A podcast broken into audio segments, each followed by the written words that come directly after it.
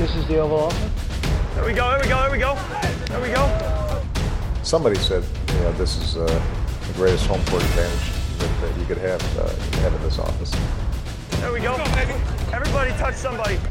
So that's the Oval Office.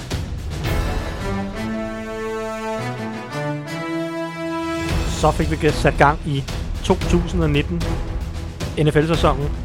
Det første snap blev, øh, blev sendt i luften i torsdags, og så har vi ellers set en masse fede kampe den her weekend. Det er selvfølgelig skønt endelig at se noget rigtig fodbold igen. Preseason tæller ikke rigtigt, men øh, masse fede kampe den her weekend, og jeg glæder mig super meget til at snakke om den her uge. Mit navn er Thijs Oranger, og øh, du lytter til Det Ovale Kontor, og øh, jeg er vært i den her uge, fordi Mathias Sørensen, som jo normalt er vært, ikke er til stede. Han er i USA, hvor han har haft den fornøjelse at se øh, Los Angeles Chargers mod Indianapolis Colts. Han er ikke kommet hjem endnu, så jeg overtager værtsrotten i den her uge, og med mig til at hjælpe mig igennem det, har jeg mine, mine, mine to, øh, to gode kollegaer, der skal løfte humøret en lille smule oven på Steelers' fadese i weekenden. Men øh, det er Anders Kaltoff selvfølgelig, Hej, Thijs. og øh, Max Skafte, Hej, Thijs. som øh, Max Skafte, som også står for Google Plus øh, madside, Eat My Sports, så man kan øh, finde gode opskrifter på alt muligt fed, øh, alt muligt lækkert NFL med. Så lad os lige fornævnt, at vi er sponsoreret af Oddset fra Danske Spil.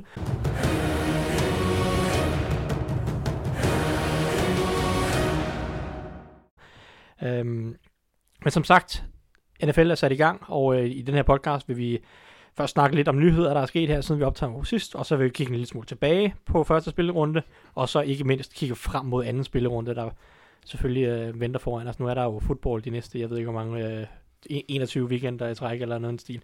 Det bliver fedt. Øhm, lad os sige, øh, før vi kommer i gang med det, så kan vi sige, at øh, vi, I kan støtte os på øh, tier.dk, og mange tak til dem, der allerede gør det lige nu. Det er vi virkelig, virkelig glade for, at I sætter pris på vores arbejde. Vi sætter pris på jeres øh, donationer. Øh, som sagt kan man gå ind på tier.dk, 10er.dk, donere et valgfrit beløb om ugen, og øhm, fordi vi er, vi er så begejstrede for, for dem, der donerer og virkelig er taknemmelige, så vil vi øh, fra nu af, fra den her uge og resten af sæsonen, øh, trække lod om et øh, 250 kroners freebet til danske spil, eller til Oddset. Øhm, blandt, blandt dem, der donerer, øh, man får et lod i lods, eller lodtrækningen for hver 5 kroner, man donerer. Så øh, i den her uge har vi, vi har trukket den første vinder, og vil vi så gøre fremover, hvis man føler, at man, øh, man, man gerne vil donere og være med i lodtrækningen også først og fremmest. Så, øh, men i den her uge har vi trukket den første vinder, og vinderen er Anders C. Jensen, som har vundet det første 250 kroners freebet til Otze. Øhm, stort tillykke til Anders, og mange tak, ikke mindst for din, dine donationer, og alle de andre, der donerer selvfølgelig. Øhm, det er vi rigtig glade for. Skal vi ikke, øhm, skal vi ikke se at komme i gang med at snakke øh, med det samme, bare på nyhederne? Øhm, der er selvfølgelig sket en hel masse, og det største, der nok er sket, siden vi sidste optog, øh, op, har optaget, det er, at Antonio Brown har skiftet hold. Simpelthen. Øh, der er sket mange ting, udover at han har skiftet hold. Fordi siden vi sidst optog, har han fået nogle bøder af Raiders, været utilfreds, man har fået nogle bøder af Raiders og lagt billeder ad af de her bøger på sociale medier, lavet nogle videoer om Raiders og et opkald med John Gruden og om, at han gerne vil fritstilles, øh, videoer og opslag på Instagram, Twitter og YouTube. Et virvar af sociale medier posts, der bare skaber dårlig stemning i Oakland, og i sidste ende var det også det, der fik ham fyret fra Oakland. Øh, han lavede en, et opslag, tror jeg det var lørdag morgen, hvor han skrev, fyr mig. Øh, han var træt af Raiders, og de var træt af ham, og han havde fået den her bøde, som gjorde, at Raiders kunne fyre ham kvitterfrit. Og det valgte de så at gøre, når han ikke gad være der længere. Efter det, så skrev han så søndag, i løbet af søndag eftermiddag i dansk tid, skrev han så kontrakt med New England Patriots, som han så ikke spillede for i første uge, men nu er på kontrakt med, og formentlig vil komme til at spille for resten af sæsonen, hvis han ellers skal opføre sig ordentligt. Men, øh, men det er sådan, situationen ligger lige nu, og øh, lad mig bare høre, gutter, hvad, hvad tænker I om et Antonio Browns opførsel, to hele situationen i Oakland, tre at Patriots henter ham. Lad, lad os starte med Antonio Browns opførsel. Øh, forkastelig, synes jeg. Øh, jeg kan godt... Altså, et eller andet sted, så synes jeg snart, at vi skal droppe den der tese om, at han er en, han er, han er en meget professionel, hårdarbejdende gut. Han er en selektiv professionel, hårdarbejdende gut, der vil, når han har lyst. Øh, jeg, jeg, jeg, jeg, synes, det, jeg synes hele den her misære omkring ham har været en grim en, og det er egentlig... det er svært at sige, at jeg håber på, at der sker noget ondskabsfuldt for en person, men jeg håber på, at han fejler totalt i Patriots, fordi jeg synes ikke, at man skal belønnes for den adfærd, øh, han har udvist.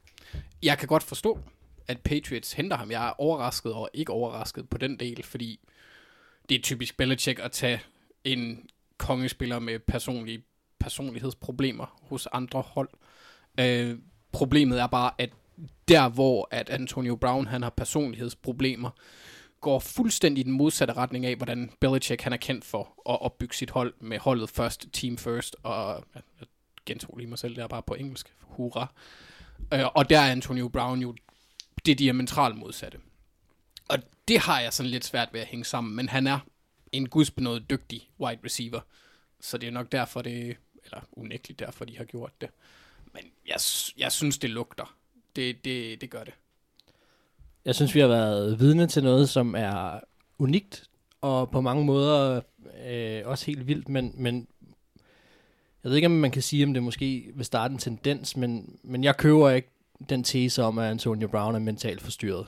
Øhm, jeg tror, at, at han udmærket ved, hvad han laver, øh, og så kan vi bare se den magt, som enkelte spillere lige pludselig kan få via sociale medier, og, og den måde, de kan, øh, øh, at de kan udtrykke sig på. Øh, han, han, hvis han bliver et stort nok PR-problem for en klub, øh, så bliver talentet næsten ligegyldigt, så bliver de nødt til at skille sig af med ham, og så har han den magt netop til at komme ud af, af, af alle mulige situationer, som måske ville være svære at komme ud af ellers. Jeg tror, jeg tror at dengang, det kan godt være, det er mig, der er konspiratorisk, men jeg, jeg, jeg tror på, at dengang i Steelers, at han ville væk derfra, og at han, og at han selv øh, kørte på, på sin mentale tilstand dengang for at komme væk derfra. Jeg tror sådan set, at, at flere af de problemer, han har skabt for sig selv nu her, øh, har været med fuldt overlæg, fordi at han ved, at, at han bliver et stort nok problem øh, til, at de skiller sig af med ham. Og nu er han i den klub, han højst sandsynligt gerne vil være, og jeg tror, jeg tror sådan set nok, det skal komme til at fungere. Jeg tror godt, at Antonio Brown ved, når han kommer ind, at, øh, at det hedder Brady, og det hedder Belichick øh, over ham. Og hvis han falder ind i geled, og bare er opsat på at, øh, på at vinde en ring, jamen, så går der en halv sæson, og så er det, så er det måske de færreste, der husker det her igen, og så, så kører det bare ud, fordi sådan er det bare, det er bare talentet, der snakker. Så hvis han går ind og spiller for Ryne nu, jamen så, så kan der have været nok så meget palaver her. Øh, men øh, men det, kan, det kan alt sammen blive glemt i NFL, hvis man er en dygtig nok spiller. Det er klart, hvis han går ind og falder igennem, jamen så, så er det potentielt rigtig skadeligt. Det tror jeg ikke, han gør. Hvis jeg, hvis jeg må øhm, lave et kontroversielt statement, så, så er det jo lidt, at Antonio Brown gamer lidt systemet på en eller anden måde. Han spiller systemet på den måde, at han får lov til endelig at vælge selv, hvor han vil spille. Fordi det er jo reelt set et af, mange, eller et af problemerne for spillerne i NFL. De får aldrig lov til at vælge, hvor de er. Lige præcis. De får ofte ikke lov til at bestemme ret meget, hvor de vil spille.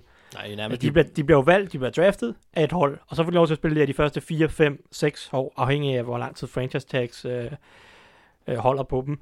Og så er det klart, de kan lade være med at forlænge, og så rammer de free agency på en eller anden måde. Men, på, men ofte vil man tage pengene på et eller andet tidspunkt. Ja, jo større talent de er, jo sværere bliver det faktisk, for jo mere vil klubben gøre for at holde på dem. Præcis, alene, jo mere kommer franchise tags og to franchise tags i spil og alt det der. Så jo dygtigere der er, jo sværere bliver det der. Jamen, så, så, så det er jo det, og, og selv, selv når han så, nu var han væk fra Steelers øh, efter sidste sæson, og det fik han så i en eller anden grad lov til, men han kunne jo ikke få lov til at frit vælge mellem alle trade destinationer. For det første skulle det være et hold, der var interesseret i ham, øh, fordi Steelers ville have en eller anden form for kompensation for ham. Men altså, der har jo også været historier nu om, efter Patriots har hentet ham, og det var der også rygter om i foråret. Patriots var inde og tilbyde noget til Steelers. Uh, det, og det var, jeg skal sige, det et første rundevalg. Steelers endte jo som sagt med at få et tredje rundevalg og et femte rundevalg, hvilket jo ikke er ret meget for en spiller af hans kaliber.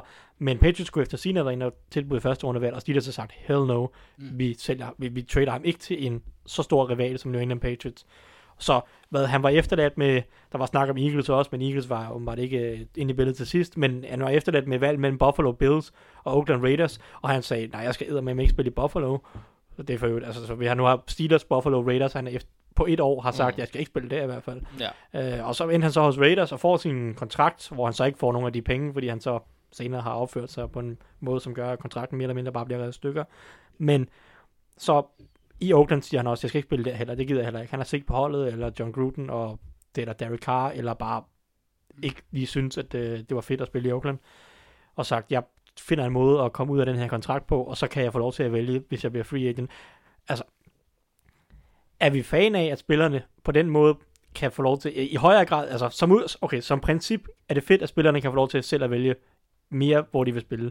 Det kan vi vel godt lide. Delvist, ja. Altså, jeg, jeg vil, Men jeg, det er, jo, det, er jo, det er jo måden, det, altså det er måden, han tvinger sig selv til det på. Også samtidig, fordi Antonio Brown er ikke en, en, en, en forkylling i NFL. Det er ikke, fordi det er hans første kontraktforhandling.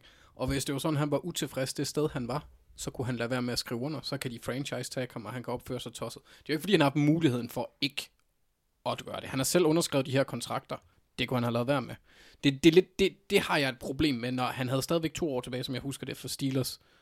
Ja, mindst. Øh, Ja, han, han, han skrev under på en kontrakt, som jeg husker det i foråret 2017. ja hvor de lige omstrukturerer den, fordi han igen brokkede sig for anden, de, tredje år, gang. ja, eller men altså, de har hele tiden under, også den første kontrakt, han underskriver, som han gør ret tidligt i sin NFL-karriere, før han ligesom har fået sit endelige gennembrud. Mm. Der underskriver en ret billig kontrakt, men, men Steelers bliver så ved med at omstrukturere den for at vise, altså for at betale ham reelt set For de penge, som kontrakt, ja.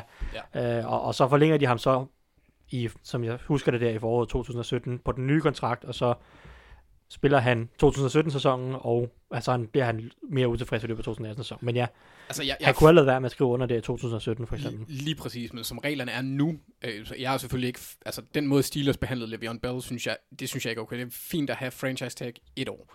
Året efter, nej. Og, og mm, så hvis det havde været ham for eksempel, der havde lavet et eller andet og kommet væk, så ville jeg synes, det var fint, for det var første gang, han kom til møllen. Det, det synes jeg bare ikke lige med Antonio. Undskyld. han har haft mulighed for at, at, at kunne rejse ud, hvis han ville. Han har valgt at tage nogle beslutninger, der ligesom altså skrevet under på nogle forpligtelser. Det er jo det, din kontrakt er. Øh, og hvis man ikke har tænkt sig at udfylde, ja, udleve den, så må man... Men så, altså, kontrakter i NFL er jo også bare... Altså, Det ved jeg godt. Og, og der er ikke noget fra holdets side, de smider dig ud, så snart de har lyst. Så det er på den lidt måde det, kan jeg så godt det er jo, følge det. er det. jo lidt for bare at sige... Okay, han er selvfølgelig... Altså, det sker jo også, fordi han er god nok, som jeg også Ja. begge siger. Talentet er så godt, at han, han ved, at han nok skal få en næste kontrakt, selvom han skæver sig Ja. på en eller anden måde. Men, men det er jo lidt... Han, han tager lidt en kamp mod det der med at være bundet til en kontrakt og være bundet til en klub, og han i stedet for selv kan få lov til at vælge. Altså, det, det, Men det er klart, at, at det, det sker jo ikke på nogen ret sympatisk måde. Nej, altså det var også bare den måde, han har sat det hele op på. Det kan, hvis det med vilje, at han har opført sig tosset bagefter, og så gå ud og taget sig selv i ro- offerrollen og smidt offerkortet, og hvordan folk ikke forstår, at folk var nogle haters. Ja, for lad, lad, os, Wow. lad, lad os tage den. Altså, hvor, hvor, hvor meget tror vi, det her det er altså, sat op af Antonio Brown? Hvornår, fordi der er ikke nogen tvivl om selvfølgelig til sidst, i de sidste par dage, at han vil ud af kontrakt med Raiders. Det har været ret, det var ret tydeligt. Han ender også bare selv med at sige, fyr mig. Ja. Øhm, men hvor meget, altså hvor, hvor langt, hvor mange, skal vi uger, skal vi, eller skal vi helt tilbage til traden, hvor han siger, det kunne, jeg, jeg vil egentlig gerne, altså jeg gider egentlig ikke spille for Raiders. Tror vi helt tilbage fra, da han bliver traded til Raiders, eller tror vi, at det er noget, der er kommet her under training camp med den her hjelmsag, og den her, de, her, den, de her fødder, og det her, hvor, altså hvornår tror vi, at Antonio Brown har tænkt, jeg vil ud af den her kontrakt, fordi at jeg vil hellere spille for et andet hold. Altså- Om det så lige var Patriots, eller Seahawks, eller Eagles, eller hvad der nu ellers vil snakke om. Men Altså, hvis man skal være lidt fræk, så er det jo en adfærd, han har udvist siden u 16 sidste år. og måske endda før det. Han, Ja. han skrev jo et tweet på Twitter i, i uge 2, da han spillede for Steelers sidste år, hvor han skrev til en tidligere ansat i Pittsburgh-organisationen, Ja, ja, ja. Øh, fyr mig. Fordi at, den tidligere ansatte i Pittsburgh, han skrev øh, noget med, at øh, Antonio Brown var kun god, fordi Big Ben øh, var der Ja, til, ja, for ja. ham, eller noget i stil, og så skrev han, ja, øh, fyr mig, så skal du bare se løjer. Øh, eller noget i stil, og det var også en lille sag og sådan noget. Så, men, men ja, Altså, så, så du tror, at, at allerede sidste år var han egentlig sådan, jeg vil egentlig have lov til at bestemme, hvor jeg selv vil spille. jeg vil ikke konkludere så hårdt, men man kan bare se, at det er den adfærd, han lykkes med tilbage i, i, i sidste sæson, når, da han ville ud Steelers. Du kan også se, hvordan det eskalerede, indtil han fik den der trade og kom væk fra Steelers, i forhold til, at han gik øh, full on El Pollo Loco. Så øh, ja, øh, jeg, jeg, jeg, jeg vil ikke konkludere det, men altså, man kan da få nogle, lidt nogle bange anelser om, at at, at det er noget, han har lidt planlagt mest, fordi at man kan se, at det er en måde, han er blevet belønnet på førhen. Men Altså, jeg kan godt, jeg kan godt tænke mig at tage, tage spilleren en lille smule i forsvar. Jeg synes, den diskussion, vi havde før omkring, øh, om, om, om han virkelig tager et opgør på en måde, om det der med, at spillerne selv kan få lov til at vælge, hvor de vil hen. Jeg tror, vi har at gøre med en mand, og det synes jeg også, den nye Patriots-kontrakt viser. Vi har at gøre med en mand, som har tjent de penge, han skal tjene. Det, han skal virkelig, øh, virkelig gøre noget dumt for at, øh, at løbe tør for penge med de kontrakter, han har nu. Både øh, sponsorater og øh, hvad han allerede har tjent i sin karriere osv. så videre. Han vil have en ring. Øh, han, vil have, han vil bygge et, øh, et, øh, et legacy, og han vil, han vil være en Hall of Fame receiver. Øh, og det mener han, han kan gøre hos Patriots, og det tror jeg sådan set er, er rigtigt nok. Det kunne han ikke gøre hos Raiders, i hvert fald ikke nu. Og spørgsmålet er, hvor lang tid øh, der skulle gå, før Raiders bliver et hold, som er godt nok til det. Øh, men fordi jeg, jeg synes også, den eneste spiller, når vi sidder og snakker om det her, som jeg kan tænke på, har fået lov til det her, og det skete faktisk for nylig, det var Nick Foles. Da Nick Foles øh, skulle skifte for Eagles, så fik man fornemmelsen af, at han langt hen ad vejen både fik lov til at beholde penge, men også nærmest selv måtte vælge, hvor han ville hen. Men der snakker vi altså også om en backup quarterback, der er gået ind og har vundet den første Super Bowl for et hold nogensinde. Øh, der står en statue af ham ude foran. Altså, det kan jo ikke være rigtigt, at det er der, vi skal hen, fordi det, det, det, det er der jo ikke nogen andre spillere, der kommer til at gentage på samme måde. Hvis det er det, der skal til, de, og der havde Eagles jo endda en franchise quarterback, der ventede. den fuldstændig unik situation. Så selvfølgelig kan de godt være good guys og sende deres øh, Super Bowl vindende backup quarterback til det sted, han har lyst til at være. Men det gælder bare ikke nogen andre spillere. Og der... Øh, og jeg synes faktisk, der er en pointe i det, som du siger, Thijs, det der med, at man skal bare huske på, at holdene på den anden side, de skrotter spillere for et godt ord. Det er fuldstændig ligegyldigt, om det er fordi, de har været skadet og skal bruge lidt tid på at komme tilbage, eller hvad det er. Hvis ikke de passer ind i systemet på det tidspunkt, så ryger de ud. Så, så at der er en spiller, der hardballer den anden vej rundt og, og leger lidt med klubberne, ja, altså, øh, der er jo sagt de ting, der skal siges omkring, hvor sympatisk det måske er, men det er også bare en business, altså. Og hvis, og hvis, hvis han kan finde ud af at navigere i det på den her måde, så er spørgsmålet bare, om det bliver en ny tendens, eller om det, eller om det forbliver en unik situation. Det er jeg lidt interesseret i at følge. På en eller anden måde vil det formentlig være en unik situation, for det kræver, at du er ekstremt talentfuld, for holdene de er overhovedet, klart. Ja, ja, altså for at det du overhovedet kan få så mange chancer på en eller anden måde, som ja. han får. Det er klart. Men, øh, men, Men det er netop også, som vi siger det der med, det er jo netop for de spillere, at det er svært at skifte klub. Så, ja. så hvis det skulle ske igen, ville det jo netop nok også være et, et stort talent, der skulle gøre det. Ikke? Som tænker, nu er min karriere, jeg har en to-tre gode år tilbage på toppen, hvis jeg skal nå at bidrage til en Super Bowl på et hold, så er det nu, jeg skal ud af døren. Ikke? Ja. Og så er der en eller anden seksårig kontrakt, der står i vejen for det, eller et eller andet. Ikke? Men uh, ja, lad os se. Altså, der er ikke nogen tvivl om, at Antonio Brown er utrolig egocentreret, og utrolig kold i røven og ligeglad med, hvad, hvad, hvad andre, hvad, holdene mener om ham. Det er rigtigt. Men, øh, men altså, ja. Nå, lad, os, lad os sige, vi har, jeg tror, vi snakker nok om Antonio Brown på den måde. Lad os, lad os, lad os tage det sidste aspekt på det her. Hvad gør det her for Patriots? Det er, det er, jo, helt, det er jo helt vildt. Altså, Altså, hvad, hvor, hvor, hvor ulækkert er det her? det, det, bliver- altså, det, det bliver giftigt. Altså, der, jeg, kan, jeg tror på, at det her det kommer til at lykkes. Og jeg tror på, at Antonio Brown kommer til at indordne sig. Og hvis ikke han indordner sig, så ryger han ud, og så skal Patriots nok klare den alligevel. Det her, det er, øh, når man allerede har flødeskum og kirsebær, så tager man lige noget ekstra øh, sukker og drysser ovenpå, for lige at gøre det dobbelt sødt, ikke? Altså, spørgsmålet er, om de overhovedet behøvede ham, ikke? Og nu har de lige tilføjet en af de bedste receiver i ligaen. Det, det er vildt, altså. Altså spørgsmålet så også, altså det var en, en vanvittig imponerende, alt, alt lykkes for dem i, i, i weekenden nærmest, og jeg tror måske, at det, det hjælper dem. Og det er heller ikke Steelers, de møder i AFC-finalen eller Super Bowl, jo. Ikke Super Bowl, Ikke, jo. ah, nej, nej, nej, nej, jeg tænker bare mere i forhold til Philip Dorset, og forvente den form for produktion fra ham på en regelmæssig øh, basis, er måske lidt... Det handler om, hvordan de bliver sat op, ikke? Altså. Jo, men han har trods alt været der i et par sæsoner. Altså, han har allerede Jo, nu jo. scoret to touchdowns. Sidste år havde han tre. Øhm, så Ja, han kommer nok ikke til at snitte to touchdowns hver kamp, det er rigtigt. det er jo lige det, men der tror jeg, altså sådan en som Antonio Brown gør jo unægteligt noget ved coverage, og de har også Edelman. Altså, det gør, at de kan diktere kamp. Ja, ja, altså det bliver hvem, hvem skal dobles efterhånden, hvis det er? Plus de har running backs, der flyver rundt omkring. Ja, ja, altså, jeg kan godt forstå, at folk er lidt bange i altså, AFC. Det, der er så vildt, det er, at Patriots har... Øh, vi har haft spørgsmål herinde tidligere, hvor folk har sagt, om, at, at Patriots, at de ikke altså virkelig øh, på røven, undskyld sproget, øh, med, omkring øh, deres øh, receivers. Altså, det har jo virkelig været noget, mange har spekuleret i. Ja, i offseason, ja. Ja, og, og min holdning har hele tiden været, også inden de signede Antonio Brown, at, at, at det har de ikke, at de skal nok finde ud af at, at scheme sig ud af at, at, at bruge de spillere, de nu har fornuftigt. Nu kan man så sige, nu har de vendt det hele 180 grader. Så har også fået Josh Gordon tilbage, præcis, præcis. som, som hjælper rigtig meget på det, fordi Hvis han kan holde sæsonen receivergruppe ud. med Julian Edelman, Philip Dorset og Jacoby Myers. Jacoby Myers er jo ikke er jo ikke en god receivergruppe som sådan. Det skulle nok fungere i en eller anden grad, fordi Brady er Brady, og Men så skal du ikke... øh, McDaniels er McDaniels. Så skal du bare lægge Sony Michel og James White til, ikke? Og Rick Burkhead og dem der også, ikke? Ja, ja, nå, jamen, altså, det, det er klart, men, men, men, men det, det er bare ikke en god gruppe sådan talentmæssigt. Nej, så, er det, så er det på grund af, at trænerstaben netop er så god, som den er, at de kan finde ud af at bruge en... Altså det, de vandt med sidste år, var jo... Altså, hvem fik noget ud af Cordell Patterson, ikke? Altså, det er... Ja, jeg synes, det, de, de har bevis for, at de godt kan. Um, ja. Nå, men altså, de, de, vi skal nok komme til at snakke mere om Patriots i løbet af sæsonen, tror jeg. Det, det er næppe det sidste, vi har hørt til dem. Lad os, øh, lad os lige hurtigt, jeg, jeg lister lige nogle skader op, som er sket her i, i den første spilleuge, desværre. Mest af alt kan vi starte med Nick Foles, der brækkede kravbenet for Jaguars i, i deres kamp mod Chiefs. Han er jo sat på IR og er nok ude i ja, 6-8 uger, måske endda 8. Så som jeg kan forstå, så er det det samme kravben, han tidligere har brækket tilbage i 2014. Så øhm, lidt træt skade, der selvfølgelig øh, gør noget for, for Jaguars. Lad os, lad os tage et hurtigt lytterspørgsmål, netop relateret til det fra Nikolas øh, Lisevski, der spørger, røg Jaguars sæson i vasken med Foles skade, eller er Gardner Minshew, som er den rookie quarterback, som kom ind og erstattede ham, ja. øh, er han den nye Tom Brady?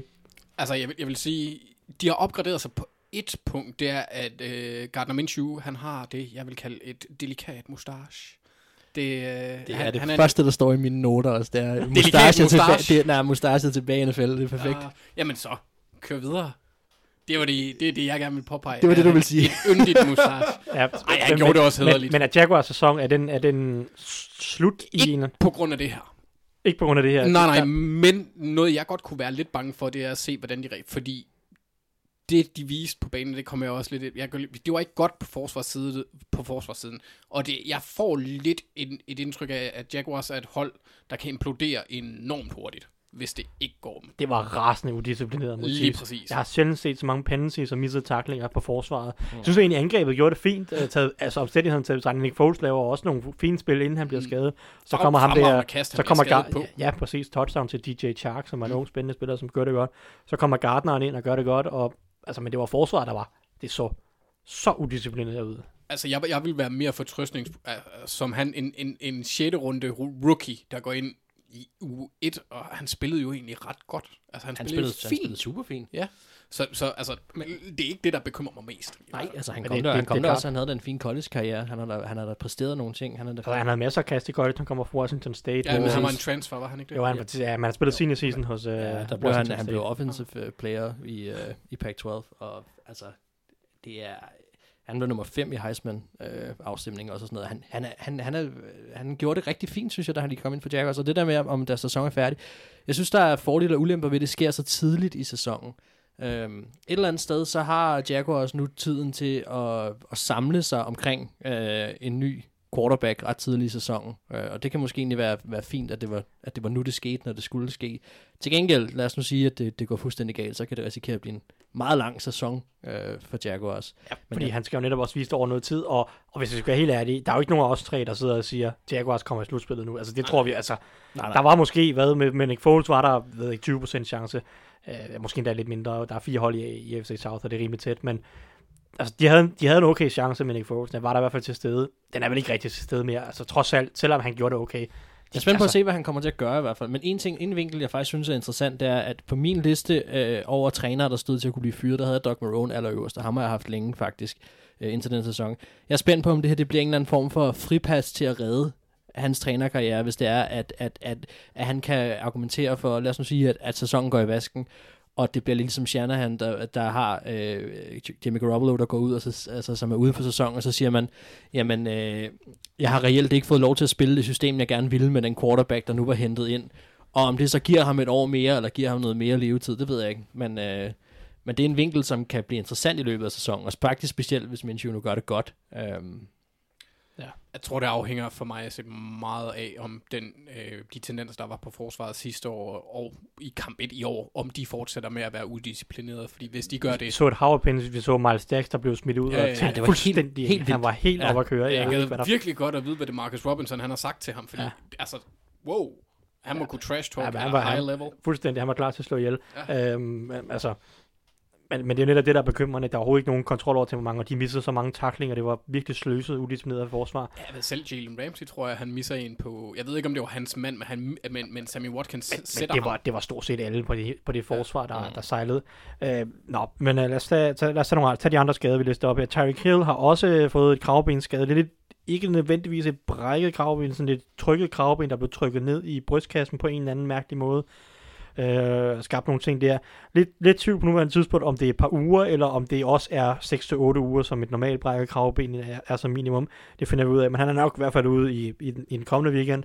Øh, Malik Jackson har øh, fået en bare, ja, en, fraktur- Frank. en, ja, en Lis Frank-fraktur i, i foden ude resten af sæsonen, øh, antages det. Um, Tevin Coleman har forstået anklen, også running back hos uh, 49ers, han er nok også ude et par uger.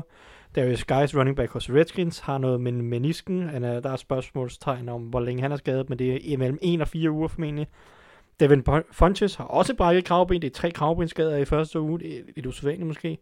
Men øh, han er også ude i 8 ugers tid. Falcons øh, guard, rookie guard, Chris Lindstrom, deres første rundevalg, deres første første rundevalg, brækket foden og er ude i en 8 ugers tid også. Og så tror jeg, vi har været rundt om sådan nogenlunde de vigtigste skader. Der er selvfølgelig andre små knups og, og, og så videre, så videre. Lad os tage nogle trades, fordi Jaguars så i forlængelse af, at Nick Foles blev skadet, har tradet sig til Josh Dobbs, som er, var tredje quarterback hos Steelers. Det gav de et femte rundevalg for, og nu kommer han ind og er formentlig backup til Gardner Minshew. Hvis vi tager et par forlængelser siden sidste gang, så er der sket nogle store forlængelser. Julio Jones har fået en kæmpe kontrakt, tre år, øh, 66 millioner, hvor 64 af dem er garanteret, fuldt garanteret ved underskrivelse øh, en forlængelse. Stor kontrakt, meget fedt, at, øh, at der er så mange af dem, der er garanteret. Det er usædvanligt i NFL.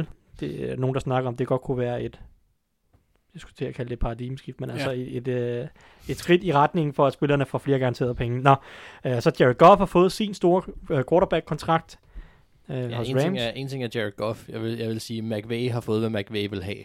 Altså, det har, det har virkelig været inden over, øh, at, at McVay har været meget inden over det her sagt, jeg vil have Jared Goff fremover. Hvis jeg skal blive i den her organisation, så vil jeg have Jared Goff som min quarterback. Så, ikke? så, så vender jeg den lige rundt og siger, at McVay har fået givet, eller har sikret Jared Goff en meget, meget stor kontrakt. Både med hans øh, ja, guidance af ham på banen, og så også åbenbart også bag kulissen.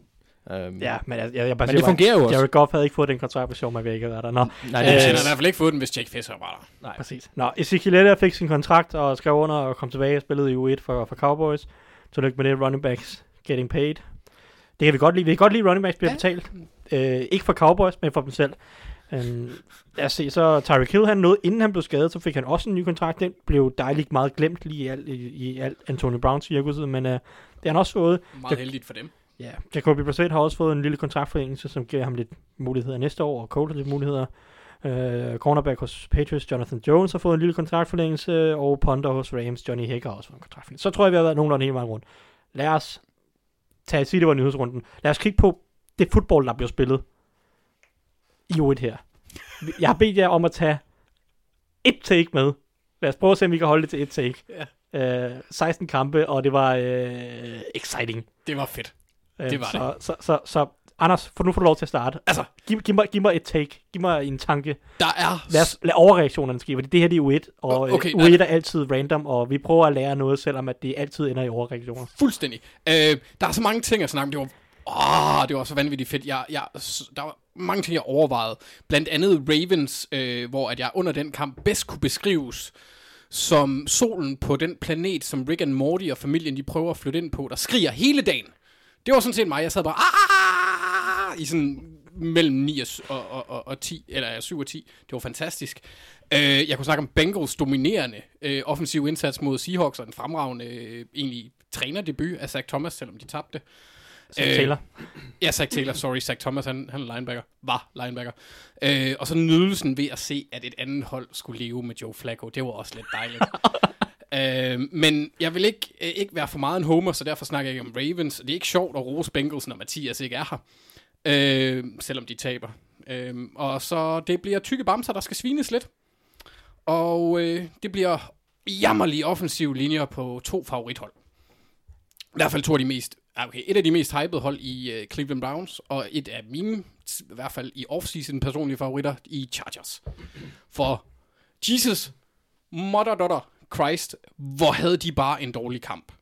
Øhm, jeg kunne virkelig godt tænke mig at finde ud af, hvad det siger om deres chancer, at øh, Chargers, i hvert fald i de næste mange uger, må nøjes med Sam Tevy og Trent Scott som bookend tackles på Philip Rivers. Det var ikke godt, hvad de, gjorde, hvad de præsterede her i, i, i weekenden. Øhm, Trent Scott, han opgav 2 6 et hurry, et hit og fire pressures. Sam Tevy, øh, lidt bedre, øh, 0 6 men to pressures, men han var, han var øh, graded enormt lavt af, af PFF for eksempel. Øhm, og med, i forhold til Browns, wow, for en omgang udisciplineret lort, de smed på banen mod Titans. Holy moly, hvor bliver det fedt at se deres reaktion i næste uge. Hvad der, hvad der sker med det hold, når de får en ordentlig en på tuden. Øhm, jeg igen her også meget interesseret i at finde ud af, hvad det siger om deres fremtidige chancer, fordi alt omkring, hvis man lige ser bort fra den offensive linje, er jo virkelig, virkelig godt besat.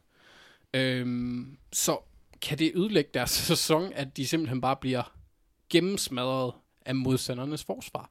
Og en sidste ting, som jeg egentlig også er interesseret i at finde ud af, det er, om Greg Robinson han afslører sig selv som ninja i løbet af, af, af kampen. Det, ja. Jeg er ikke helt sikker. Jeg synes ikke, det var så ninja, når han bliver fanget i at sparke en anden spiller i hovedet. Jamen, så, så du præcisionen. Det var, det, nej, men det jeg mener med, at han blev fanget i at afsløre sig selv, det var en, øh, en øh, hvad hedder det, refleksreaktion. Okay. Så, sådan, det var hans indre ninja skills, der kommer. Nu er jeg ved at falde. Ham her, han, er ved at, han skal have en, i, han skal have en lige i ansigtet. Til dem, der ikke fanger referencen, så Browns venstre tackle, Greg Robinson, han øh, på et spil falder på jorden, og så sparker han en Titans-spiller i hovedet og bliver smidt ud af kampen. I, i, i, en ting er at blive smidt ud. Men jeg kan bare ikke forstå, hvorfor man reagerer på den måde. De har jo hjelm på, for helvede. Altså, det er jo ligesom dengang, hvor man det, så jeg synes, en... at det, hvad, jeg så et billede af, var der ikke i Vikings-kampen, hvor der var en eller anden, der... Åh, oh, Eric Weddle, han var blodig. Ja, Eric Weddle, han, blev, han fik en kæmpe flænge i, Yes. i ansigtet, fordi han blev ramt af en støvle. Jeg synes også bare, jeg så i Vikings-kampen, at der var en støvle, der også satte sig fast i hjelm, hjelmeåbningen på en eller anden måde. Uh, en ponder, som og ja, noget. Nå, jeg så bare et Men- billede derfra, synes jeg. Og så, så skal det også lige sige sådan, en, en sidste ting, jeg lige vil have i forhold til de øh, jammerlige offensive linjer. Colts øh, burde have vundet. Der skete noget meget, meget mærkeligt, at en punter var den bedste kicker i en kamp, hvor Adam Vinatieri han var med. Og det var Chargers punter, Som var kicker, fordi Chargers kicker var skadet. lige præcis. Men uh, ja, Så så det var den, misser to field goals og et ekstra point. ja, syv point i alt, og de gik i overtime. Ja, 24-24. Yes. For øvrigt er meget lækkert, øh, hvis I kan huske mit spiltip til den kamp sidste uge, der sagde jeg, at Colts scorer øh, over, fire, øh, over, over, over 23,5 point. Åh, oh, 2 point conversion i sidste sekund for 24. Bum. Nå, Mark, skal vi ikke, øh, skal vi ikke høre dit, uh, dit take på sidste uge her? Jo. Et, et take på sidste uge. Et take. Øh, jeg havde mange tanker omkring det her, øh, og som du selv siger, så er u 1 tiden for overreaktioner, og nu synes jeg egentlig bare, at jeg har tænkt mig at grædbøje det her segment fuldstændig, og så bare tage min egen overreaktion og så sige, mit take er, hold fast, hvor havde jeg savnet fodbold. Det, altså, da jeg sad i, i sofaen der i, i søndags, så kørte alting op og ned øh, på mig, og jeg synes, at, at, at det er... Øh, Øh, det, lyder, det lyder pikant, Mark. Jamen, du skal være velkommen næste søndag, Anders. Uh, jeg tror, det... Nej, men, men, men det, det var simpelthen, det gik op for hvor meget jeg egentlig havde savnet at sidde og se det her. Og så er en anden årsag, som gav mig lyst til at sidde og sejre rundt på alle kampene, det var at se alle de spillere, som blev skadet sidste år, de kom tilbage. For der er simpelthen så mange fede spillere, der er kommet tilbage i år i NFL. Uh, der er kommet uh, Cooper Cup, og der er kommet Le'Veon Bell, Earl Thomas, uh, Jimmy Garoppolo, Todd Gurley er tilbage igen og sådan noget. Det er bare rart at være tilbage igen. Nu er der en tonsvis af nye spillere, der er blevet skadet, men jeg er stadig glad nu her for det, der var, for det, der skete i søndags. Øh, og så har jeg et andet tjek også, som er, at, at, at der er bare noget øh, ved at se Deshaun Jackson tilbage for Philadelphia Eagles, der hører den mand bare hjemme. Jeg er ikke Eagles-fan, øh, faktisk overhovedet ikke. Men, men når, man, når man ser Carson Wentz kaste de der lange bomber ned til, øh, til Deshaun Jackson, og han efter han har været i endzone, løber og flagrer med armene, som om han var en ørn, så, så, så har jeg det bare som om, at det er sådan, det skal være. Sådan, skal, fut, sådan skal football søndag bare være. Og når man så bagefter så kan, kan se Darren Sproles lave et spin move, så bliver jeg så glad indvendigt. Øh, det, er, altså, det har simpelthen været en perfekt søndag. Men, men mit take var bare, velkommen tilbage til NFL, og velkommen tilbage til alle de spillere, der, der har været væk. Det er så dejligt at se dem igen. Jamen, det det, er, er, ja. det, er også, det er også et dejligt ting. Jeg tror, at de fleste af os, minus, øh, minus mig og andre Steelers-fans, var glade for øh, NFL søndag med tilbage. Nej, det er rigtigt. Det var fedt at se NFL, og jeg er blevet, jeg er blevet endnu gladere. Jeg var faktisk en lille smule efter, da jeg gik i seng der klokken halv seks natten til mandag, der var jeg en lille smule træt af NFL allerede. Men så har jeg brugt de sidste par dage på at se en masse af de andre kampe, og så øh, er jeg blevet rigtig glad igen, fordi det var rigtig, rigtig fedt at se. Der var rigtig, rent faktisk var andre hold, der kunne spille fodbold, hvilket Steelers ikke kunne. Nå, mit, mit take på første, på første spiluge er, at jeg går helt over bord med, med overreaktioner. Det er, at jeg siger, all hail Kellen Moore. Bum. Lad os bare, øh, lad os rose our, our savior, eller Cowboys savior, Kellen Moore. Nej, øh, nu må vi se, hvordan det går, når de møder et rigtigt forsvar, fordi Giants forsvar er øh, ved Gud ikke ret godt. Nej, hvor er de ringe på nærmest alle dele af deres forsvar. Men jeg synes bare, der var nogle rigtig fede ting, fordi det, det handler ikke så meget om resultaterne, fordi de var klart gode mod, mod Giants. Det er mere processen, det er spilkaldene, det er den variation, der er. Altså de første, de har, jeg har skrevet de første fem spil ned, som han starter kampen. Første spil er i, i hvad hedder det, er et play-action spil, helt klassisk. Fedt, at de bruger play-action, det brugte de alt for det sidste år. Mange tak, Kellen Moore. Og hold der ikke bruger play-action, de burde til at tage sig sammen. Øhm, andet spil, Jet Motion Handoff til Zeke. Der er en, der har set Sean McVay. De der Jet Motions, de kører med en wide receiver, der løber på tværs af formationen, mens de så snapper bolden, og så er et løbespil. Øh, det var... Øh, det, det, var, det var jeg rigtig stor fan af at se. Det er noget, Rams gør utrolig meget med, med Robert Woods. Øh, det brugte Cowboys flere gange i løbet af kampen på alle mulige kreative måder. Fedt at se. Go kill more. Tredje spil, run pass option. Mange tak. Det er også noget, vi rigtig godt kan lide med Dak Prescott. Uh, han havde også på optionspil i løbet af kampen, hvor, hvor han, hvor han selv kunne løbe bolden. Mega fedt, det kan vi godt lide. Det, det giver bare running, det giver quarterbacken nogle nemme reads, hvor han bare siger, okay, jeg læser ham der, hvis han gør det, så kaster jeg bolden. Hvis han ikke gør det, så, så giver jeg den til Zeke. Mega fedt at give Dak Prescott lidt hjælp og, og, og give ham nogle nemme reads, nogle gode spil og hjælpe receiverne. Det var noget af det, som var utrolig ringe under Scott Linehan. Fjerde spil, line, line op med en fullback i backfield. I, i, jeg kan ikke huske, det var I-formation eller lige offset, men det er også ligegyldigt. Motion er ham ud, og så kaster de bolden. Altså, det er en tung formation, der tvinger Giants til at være i base personel. Motion er fullbacken ud, og så kaster de bolden. Ja tak, det kan vi også rigtig godt lide. Femte spil, så løber de bolden, men det er ud af 11 personel, tre wide receiver på banen, en tynd boks, Sieg for bolden. Yes, hvis man endelig skal løbe dem, så skal det i hvert fald ikke være mod en stack box. Det var de fem første spil.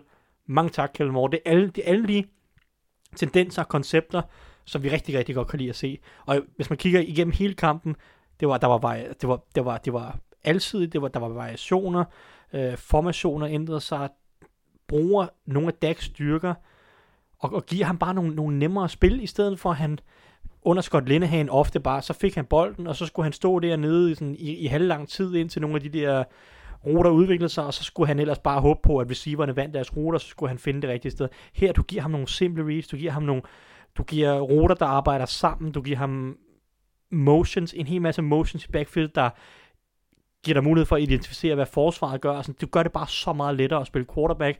Og så derudover, så må man sige, at de våben, som, som Cowboys har, begynder at ligne noget. Amari Cooper er en dygtig receiver, hvis han ellers lader være med at have, have to-tre drops per kamp. Uh, Michael Gallup ser rigtig god ud og, og Randall Cobb lavede også et par fine spil, så det, altså det er en god, ser ud til at være en god øh, wide receiver trio. Men øh, det, det er sådan nogle ting, det kan vi vente med at se, til de har mødt det rigtige NFL-forsvar, fordi det er Giants måske ikke lige nu. Men, men, men det er bare sådan, det er konceptet, det er det, er det offensive system, der ser, der ser velovervejet, veldesignet, kreativt, varieret, og virkelig, det ser ud som om Kjell Moore har, har taget en masse fede ting fra forskellige playcallers og bygget det ind og lavet et, et godt system, der passer til Dak Prescott, og det har vi ved Gud savnet. Og det kan virkelig gøre deres hold enormt skræmmende, fordi yes. de, deres, deres defensive linje, deres offensive linje, bueno, eller forsvaret er godt, den offensive linje er fabelagtig. Så lige, de opgav øh, et, et pressure, et hit Nej, et hit, et hurry og to pressures. Ja, så fire, fire i alt. Ja, og, og det var Connor Williams, der er andenårsspiller, og så Zeke, der er running back, der, der lod dem gå. Ja, og, og nu skal jeg selvfølgelig sige, Giants pass rush er... Pillelendigt. Det er pillelendigt, og det, og det er klart, at det er nogle af de, altså, resultaterne var sindssygt gode mod Giants, og det er muligt, at eksekveringen ikke kan op på det samme niveau, og de får større problemer mod, mod andre gode forsvar. Men det er bare, det, det er playcallsene. Det, vi, ja, kan godt altså, lide det. vi kan godt lide, hvordan det ser ud. Giants er stadigvæk øh, et NFL-hold, så det er stadig fint, øh, det de går ind og gør jo. Har du ikke sikker på, har du set det forsvar der? Det, ja. uh, det er ikke, det er ikke, det er ikke, de taber til Dolphins. Ja, vi er ikke, vi er ikke ude i Dolphins, nej. Men det er også sjovt, fordi det var faktisk en ting, uh, netop uh, Kæder Moore var jo en ting, der faktisk uh, en lille smule fik hype i offseason, men så druknede i alle mulige andre uh, nyheder. Om, om Cowboys. Ja, hele vejen hen. Ja, om Cowboys og om alt muligt andet, ikke? Men det, det er derfor, synes jeg faktisk, det er ret fedt, du tager det op, fordi jeg synes også, det var rigtig øh, underholdende at se på. Og, øh, og det fede er, at når der er ting, der bliver hypet, eller har været snakket om, at de rent faktisk går ind og beviser, at der kan være noget om det. Fordi der er også bare rigtig mange gange, hvor det løber ud i sandet, ikke? Ja, og det, det her, det kan også nå at... Selvfølgelig kan det det, det er Fordi, og du skal hele tiden i løbet af en sæson op, opdatere, skulle jeg sige, de systemer, lave små ændringer, tænker- og, det var, og gameplayen fra uge til uge, men det så bare rigtig lovende ud, ja. sådan konceptuelt. Og de ting, der netop slap ud af Cowboys-lejren, var nemlig det der med, at, at, at, det ville, at det ville være et system, der blev bygget mere op omkring Dak, og de ville spille mere varieret, og at han... Play action. Ja, lige og- præcis, og han motion skulle virkelig og have fat i holdet og så videre. ikke? Og det er jo bare, så må man bare sige, når det så går ud og præsterer på den måde, som de gør nu her, så er det jo bare, altså, så har vi jo ikke andet at bygge på, end at, at det ser godt ud. Yes. Lad os, øh, lad os sige, at det var det, vi, øh, vi kiggede tilbage med runden i hvert fald. Der kommer også nogle lytterspørgsmål, som vi kan tage, men, men vi, øh, vi kommer selvfølgelig til at følge op på nogle af de her ting senere også. Men lad os gå til det, vi kalder ugens matchups. Vi har alle sammen taget to matchups med, og det vil sige, at vi har seks matchups den her uge, så vi skal måske øh, begrænse øh, ordstrømmen en lille smule. Men øh, Anders, øh, vil du ikke lægge ud med at tage din, øh, dit første matchup i den kommende spillerunde? Nu kigger vi på uge 2, Ja. som, du, øh, som du glæder dig rigtig meget til. Ja, jeg glæder mig. Og her, jeg har gemt homeren til nu. Fordi jeg glæder mig Der skal være lidt home over det. Efter, ja, altså jeg synes uanset hvad, at jeg har begrænset mig enormt meget efter den magtdemonstration, det var. Men det er også kun fordi, at Dolphins sutter. Øhm, jeg glæder jeg mig... kan huske, øh, jeg, jeg sad og så noget bold med Alexander Påske og Rizzager, og, og, og vi havde lige set selvfølgelig Ravens, øh, der vinder med, øh, altså det var en college-kamp, altså de Ja. førte med 40 point efter første quarter nærmest. Det var fuldstændig sindssygt. Uh, men vi sad og så det, og så så vi øh, Giants, øh, så kom Giants uh, Cowboys-kampen på bagefter, og det første run, Zeke har i sæsonen, det er jo sådan en 50 yards run, og, og vi sad og sagde, Anders han flyver rundt på væggene derhjemme nu. men ja, kom med det, kom Og med var det. det derfor, du var så træt klokken halv seks? Var det fordi, du har set fodbold med Alexander? Ah, nej. Øh, jeg glæder mig sindssygt meget til at se Ravens mod Cardinals. Mod Kyler Murray. Fordi at Ravens har det, jeg vil kalde en delikat og lækker, fremragende, æstetisk smuk, defensiv koordinator, der hedder Dawn Wink Martindale. Og den mand, han kan lide at blitse. Øhm, I den grad. Øh, og det er en statistik, som vi ifølge Football Outsiders førte i sidste år med 39 procent. Og i, når, i, i, hvad hedder det, pressure-effektivitet, når man bragt blitzer. Vi førte så også ligaen i, i det samme, når vi ikke gjorde. Så vi var bare generelt gode til at presse quarterbacken sidste år. Kyler Murray, han så ikke godt ud i tre quarters mod øh, Detroit Lions. Han så faktisk elendig ud i, i, i meget af det. På et tidspunkt tror jeg, at han var 3 for 19, hvis jeg ikke husker helt forkert. Øh, øh, han var i hvert fald elendig.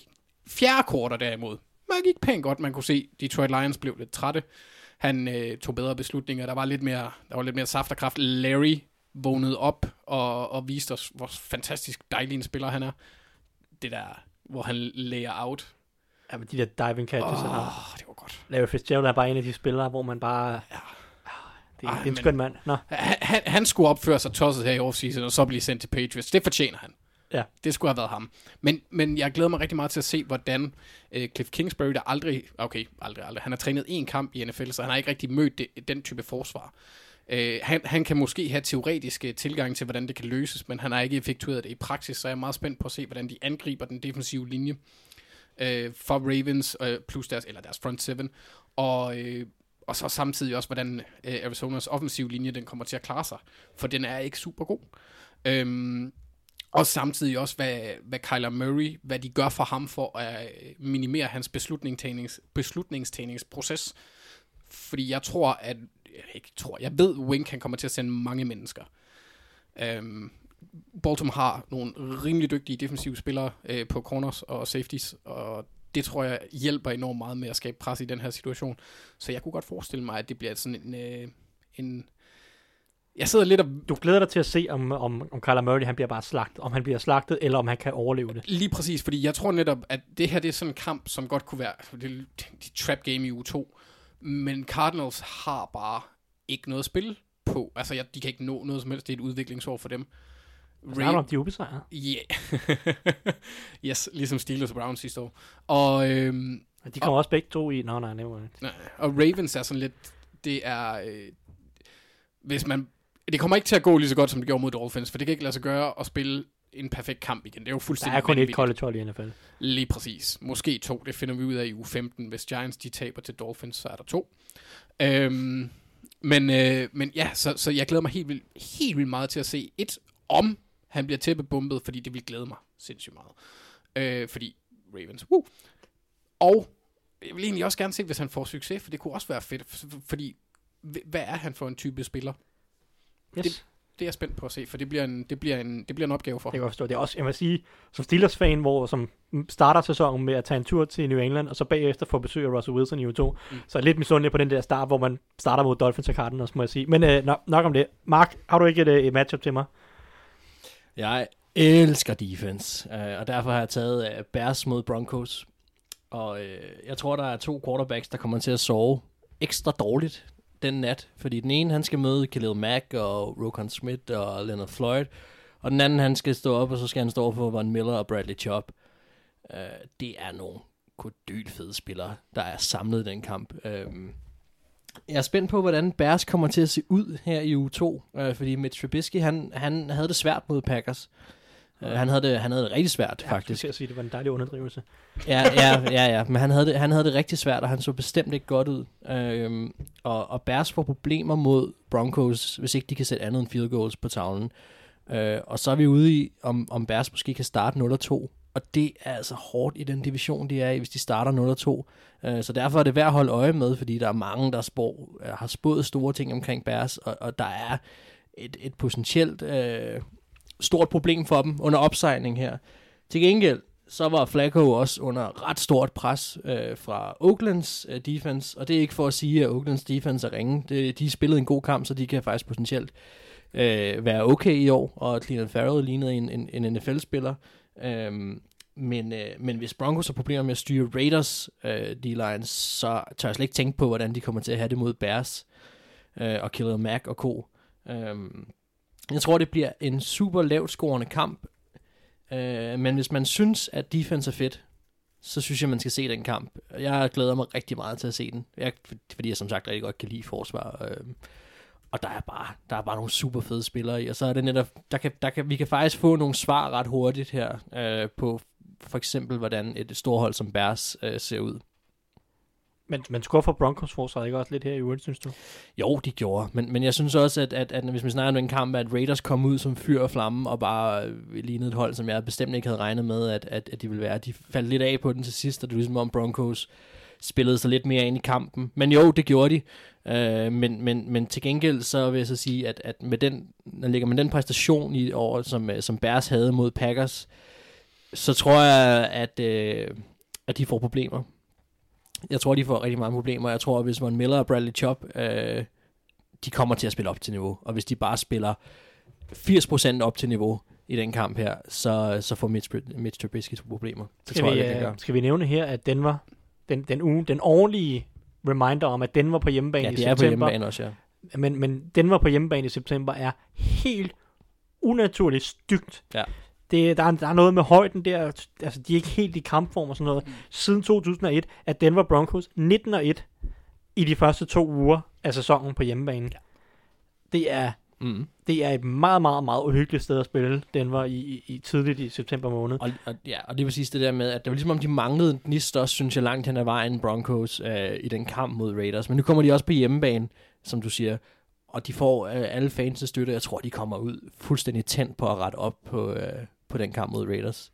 Jeg har, jeg har god fidus til, til Broncos i den her uge mod, mod Bears. Men det bliver en spændende kamp, og jeg tror, den bliver lavt scorende, men den bliver spændende. Lad os se, om vi kan overgå eller undergå sidste uges øh, 10-3 kamp, som Bears var i.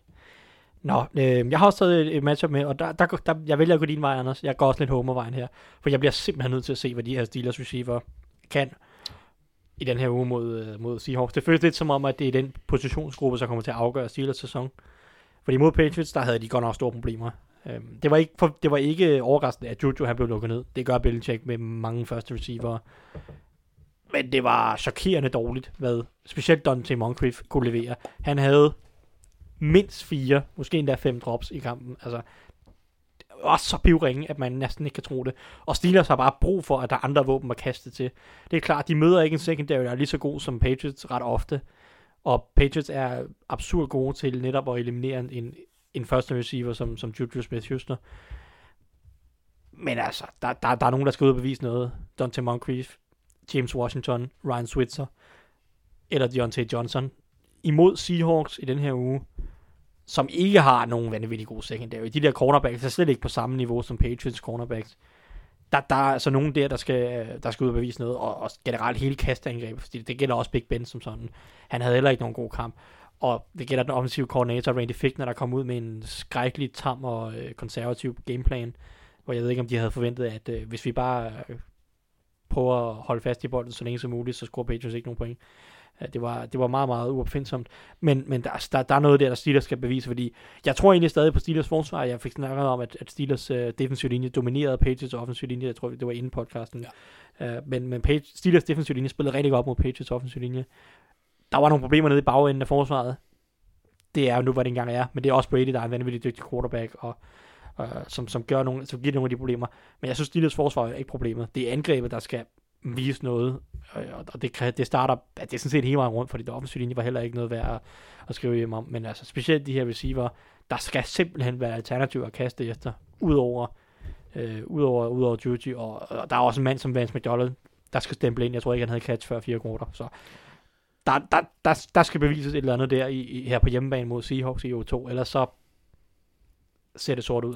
Det er også interessant, fordi hvis Steelers lykkes mod Seahawks, så ser det sort ud for Seahawks, fordi Andy Dalton, han, øh, han rumlede dem her i weekenden for 430 yards eller sådan noget. Ja, de vandt trods alt Seahawks, og det er det vigtigste. Trods alt, ja ja, men, men, stadigvæk. Altså, det virker til, at deres secondary i hvert fald er til at lege med. Det, og det er det, som, altså, hvis de ikke kan gøre bare et eller andet her, Mm. nogle af de andre receiver, så, så ligner det problemer. Uh, lad os få din anden, uh, Mar- uh, Anders. Ja, øh, Ma- Manners øh, synes, at, øh, at det bliver sjovt at se Jaguars forsvar mod Texans offensiv øh, her i, i, i den kommende weekend. Og jeg, jeg kommer til at gentage... Altså, To hold, der er 0 og 1. Lige præcis, og øh, et Jaguars forsvar, der er udisciplineret, udisciplineret som ind i fanden, og et Texans, øh, en Texans offensiv linje, der er hullet som en si selv med Laramie Tunsil, og en quarterback, der holder på bolden helt ufattelig lang tid. Ja, lad os nævne, at Laramie Tunsil, han opgav 2 sacks og 5 Yes. pressures her i den første uge, så det var det er selvfølgelig også svært at blive traded til et hold øh, fem dage før sæsonstart Helt og sådan noget, men, men han var ikke øh, redningsmanden endnu. Nej, altså de, de øh, opgav 2 6 øh, eller 4 6 2 hits, 12 hurries og 18 pressures mod Saints. Det, Ja, pressures er så summeringen Ja, ja, af, yes, af de andre Så tre, 18 i men- alt. Ja, det, det, det er noget, der gør afs på quarterback. Anden gang, hvor quarterbacken han bliver ramt. Øh, eller rørt. I nærheden af at blive rørt. øh, og det er, ikke, det er ikke super godt. Øh, så jeg er meget, også fordi, jeg er meget interesseret i at se det her Jacksonville-hold, som vi snakker om øh, tidligere. Jeg tror, det er et hold, der kan brænde af sindssygt hurtigt. Og det, det tror jeg egentlig, at den her kamp, den giver god mulighed for at se, fordi det er en kamp, hvor de burde få succes på forsvaret i hvert fald. Statistisk set kunne lave nogle spil. Det, det, er selvfølgelig også, skal siges, at det, det er et godt fors- af angreb øh, med Watson og Hammer og Hopkins. Fabelagtig duo. Øh, Kenny Stills havde succes også med et lille touchdown og alt muligt andet gris. Ja, Will Fuller er skadesfri endnu. Øh, endnu. Ja, ja. Øh, det er altid noget. Så det bliver, det bliver rigtig, rigtig spændende at se, hvad de gør her. Øhm, og det glæder mig sindssygt mig også. Altså bare matchupsene i kampen her med, med Ramsey og, og, og Hopkins, må man gå ud fra, eller, og Bouye og øhm, Fuller eller, eller Stills, hvem, hvem de nu stiller op. På den defensive linje med en Gakwe mod Tonsil eller sådan. Altså, fuldstændig sindssygt mange, øh, ah, mange, og så er der selvfølgelig også øh, den nysignede eller nyforlængede Nick Martin, der lige har fået en kontrakt i dag øh, på center, som skal stå over for, hvem end de nu smider derind af de store bamser, og jeg spændt på at se, hvad de gør på den anden side med Calais Campbell. Altså, altså der er simpelthen så mange presmuligheder, og kan man sige, der er muligheder for det, fordi den offensive linje er så porøs, som Texans har vist sig at være over de seneste mange år. Så det glæder mig rigtig meget til at se, hvordan det ligesom udspiller sig. Mark, har du øh, en anden en til os? Jeg elsker defense. Ja, Øh, mere defense. Yes. Nej, men når nu kommer mit homer. En øh, true Mike Zimmer disciple. Yes. Øh, nej, jeg valgte Vikings og Packers. Jeg har refereret til den her kamp før i tidligere podcast, men det er også fordi, at, at, at, at, øh, at jeg tror virkelig, den kan blive afgørende øh, på sigt. Altså jeg tror, det her det er sådan en af de kampe, vi kan komme til at kigge tilbage på sidst i sæsonen, når det er, der enten skal findes divisionsvinder eller, eller uddeles wildcard-pladser. Jeg tror virkelig, den får betydning. Øh, som Vikings-fan er jeg glad for, at de møder Packers på Lambeau så tidligt, som de gør, fordi så slipper vi for den kolde kamp, øh, som ligger udenfor, øh, og nu får de lov til at have en, en senere kamp hjemme i Dome. Det synes jeg sådan set er ret fedt, øh, at det ikke skal afgøres derop. Og øh, Og så er det fordi, at, at, at, at det her, det, øh, det kan ende med at blive et super fedt forsvarsbrag, og det er så længe siden, at man kunne sige, at Packers har været med i sådan et. Men den, men den situation, som, eller den kamp, de spillede mod Bears i, i åbneren her, der var deres forsvar, altså det var, det var bedre, end jeg, jeg havde regnet med, det ville være godt, men det var bedre, end jeg havde regnet med. Og nu er det så spændende at se, om det så var, fordi Bears angreb var, hvad det var, eller om de rent faktisk kan gå ind og dominere på, øh, på forsvarssiden også. Men stoler vi på Vikings angreb? Altså, hvor meget stoler vi på Kirk Cousins og den offensive linje? Ja, men, men spørgsmålet er, hvor meget... Øh, øh, altså, hvis man skal udlede ting ud af kampen mod Falcons, så, øh, så gik alt Mike Simmers vej. Jeg tror, jeg tror Mike Zimmer stadig niver sig i armen, og ikke tror på, at han selv har været vågen, fordi det her, det var en Zimmer-kamp. Øh, forsvaret styrede fuldstændig, og, og de løbespil, der var, øh, jamen det, det gik rent hjem. Øh, Rent set var der ikke behov for at kaste bolden. Nej, der var nemlig ikke behov for at kaste, øh, kaste bolden. Og de få gange han gjorde det, der ramte han sin receiver, og så, øh, og så var der en enkelt, fik de et enkelt touchdown ud af det. Øh, det er ikke sikkert, at Vikings skal komme til at styre kampen på samme måde igen nu, men det, der er ikke nogen tvivl om, at de vil prøve. Jeg er ikke bekymret for deres angreb, for jeg synes ikke rigtig helt... Vi har set, hvad de kan med løbespillet, og vi har set, hvad de kan, når forsvaret kan dominere, og forsvaret var super tændt. Øhm, og så kom der et par enkelte bolde fra Kirk Cousins også, som bare lå, hvor de skulle. Jeg er ikke bekymret for Vikings øh, angreb, øh, men de bliver sat på en større test øh, mod Packers forsvaret nu her. Øh, det, der er ret fedt ved den her kamp, det er også, at, øh, at med mindre at den ender uafgjort, som den tidlige øh, divisionskamp gjorde sidste år, eller sidste sæson, så har vi altså at gøre her med to hold, der kan komme ud, altså vinderen, der kan komme ud af, af den her kamp, og virkelig sige, wow, det har været en solid start på sæsonen. Altså Packers kan komme ud og have slået Bears og Vikings og have to divisionssejre allerede nu.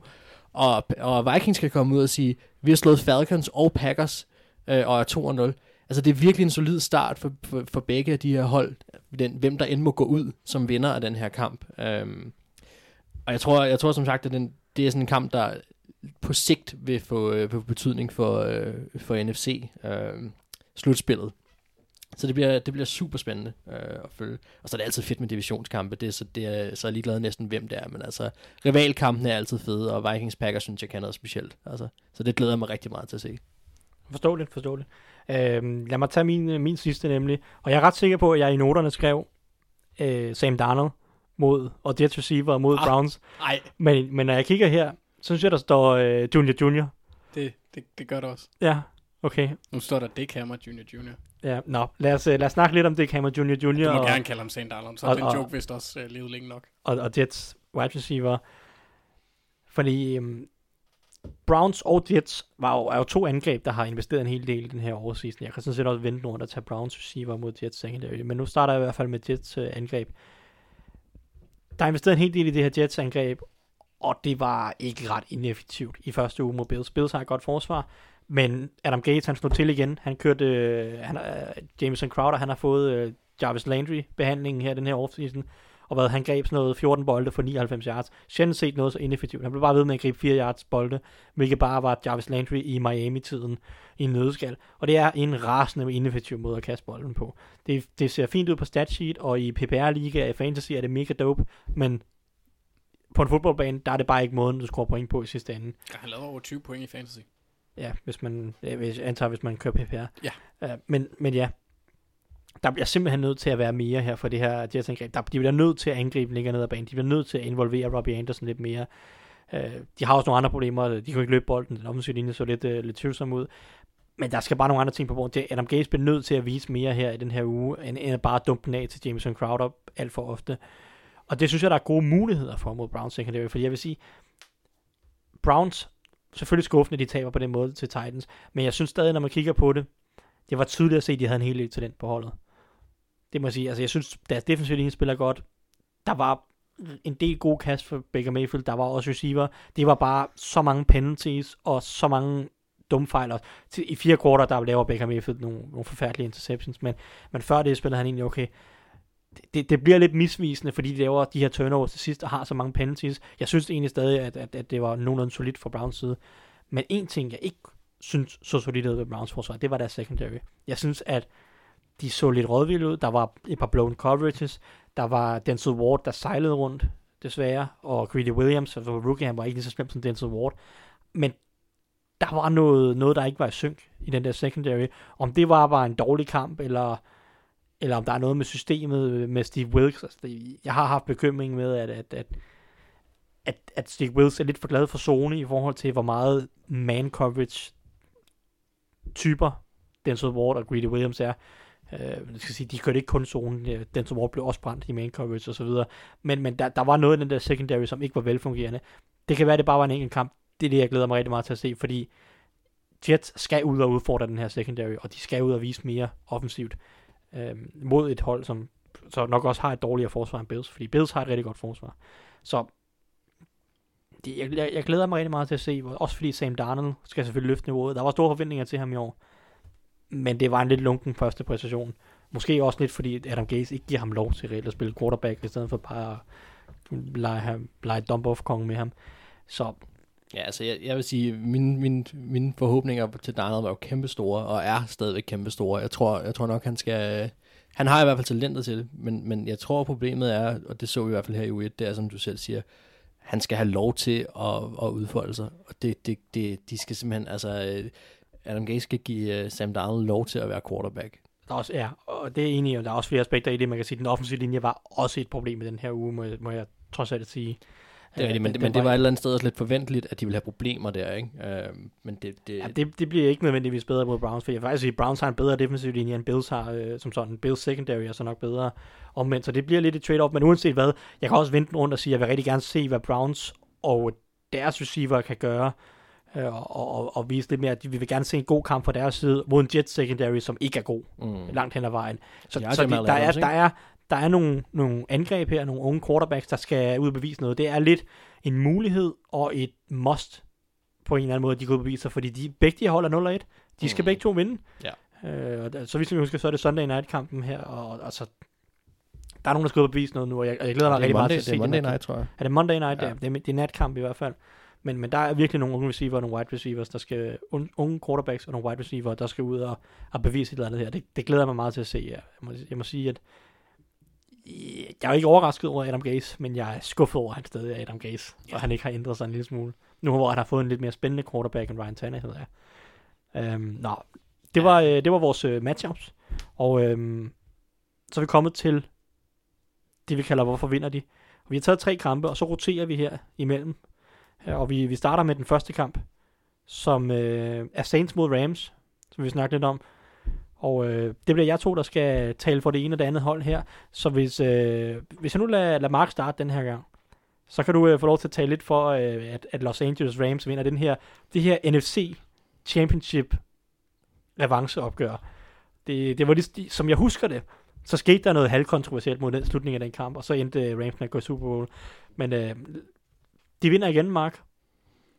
Ja, det er, det er en brav en kamp. Altså, det er, det, og, det bliver en, og det bliver en tæt kamp. Øh, det, som jeg tænker, det er, at, at, at det her det kan ende i det, som man kalder en potentiel shootout. Øh, og der, der kommer Rams til at trække det længste strå, fordi deres defense er bedst. Øh, og det er det, der kommer til at gøre forskellen. Øh, jeg ved, at uh, Saints front 7 havde en rigtig fin kamp mod, uh, mod Texans, uh, men samtidig så viste deres forsvar også, at det var muligt at, uh, at lave et comeback mod dem. Jeg ved godt, at det var en, øh, hvad hedder det, øh, at, det, vi- at, de, at de så kom tilbage igen øh, øh, selv, men, men, men det var trods alt øh, muligt, øh, og der var nogle, øh, de Sean Watson fik lov til at lave rigtig, rigtig mange øh, lange kast, øh, og der blev lavet rigtig mange store spil øh, i deres secondary. Øh, og jeg tror, at øh, jeg tror ikke på, at Saints, selv med Drew Brees, øh, kommer til at kunne øh, kommer til at kunne øh, vinde et shootout mod øh, Wade Phillips øh, forsvar. Det tror jeg simpelthen ikke på. Det bliver en tæt kamp, øh, og den bliver højt scorende, og, øh, og vi får et brag af en kamp. Men jeg tror i sidste ende, så er det forsvaret, der kommer til at afgøre det, og der tror jeg mest på, at, øh, at Rams trækker det længste strå. Ja. Forsvaret hos Rams er bedre end Saints.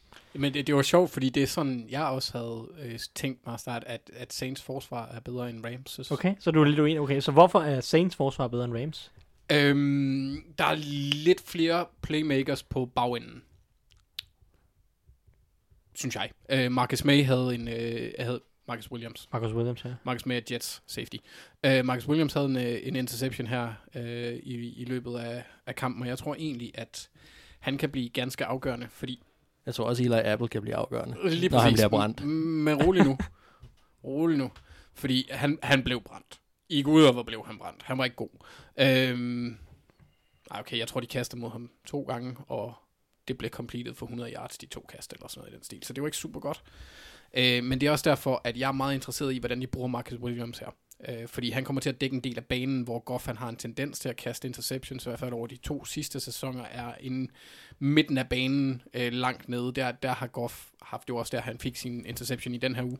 Ram, Ram, Rams elsker de der dybe, dybe crossers, og Lige- det er, det er nok Marcus Williams, der kommer til at stå for det. Ja. Så, så jeg, altså, han bliver ret essentiel i, i min plan. Samtidig så tror jeg også, at øh, Cameron Jordan, han får det er rigtig sjovt over for Rob Havenstein eller Havenstein, afhængig af, hvor tysk man vil have det. Havenstein. Øhm, fordi han opgav, han, han var ikke god. Han var ikke god i, i, i weekenden. På Øh, Panthers. mod Panthers, ja, hvor han opgav øh, øh, ja, fem pressures. Øh, det er ikke super godt.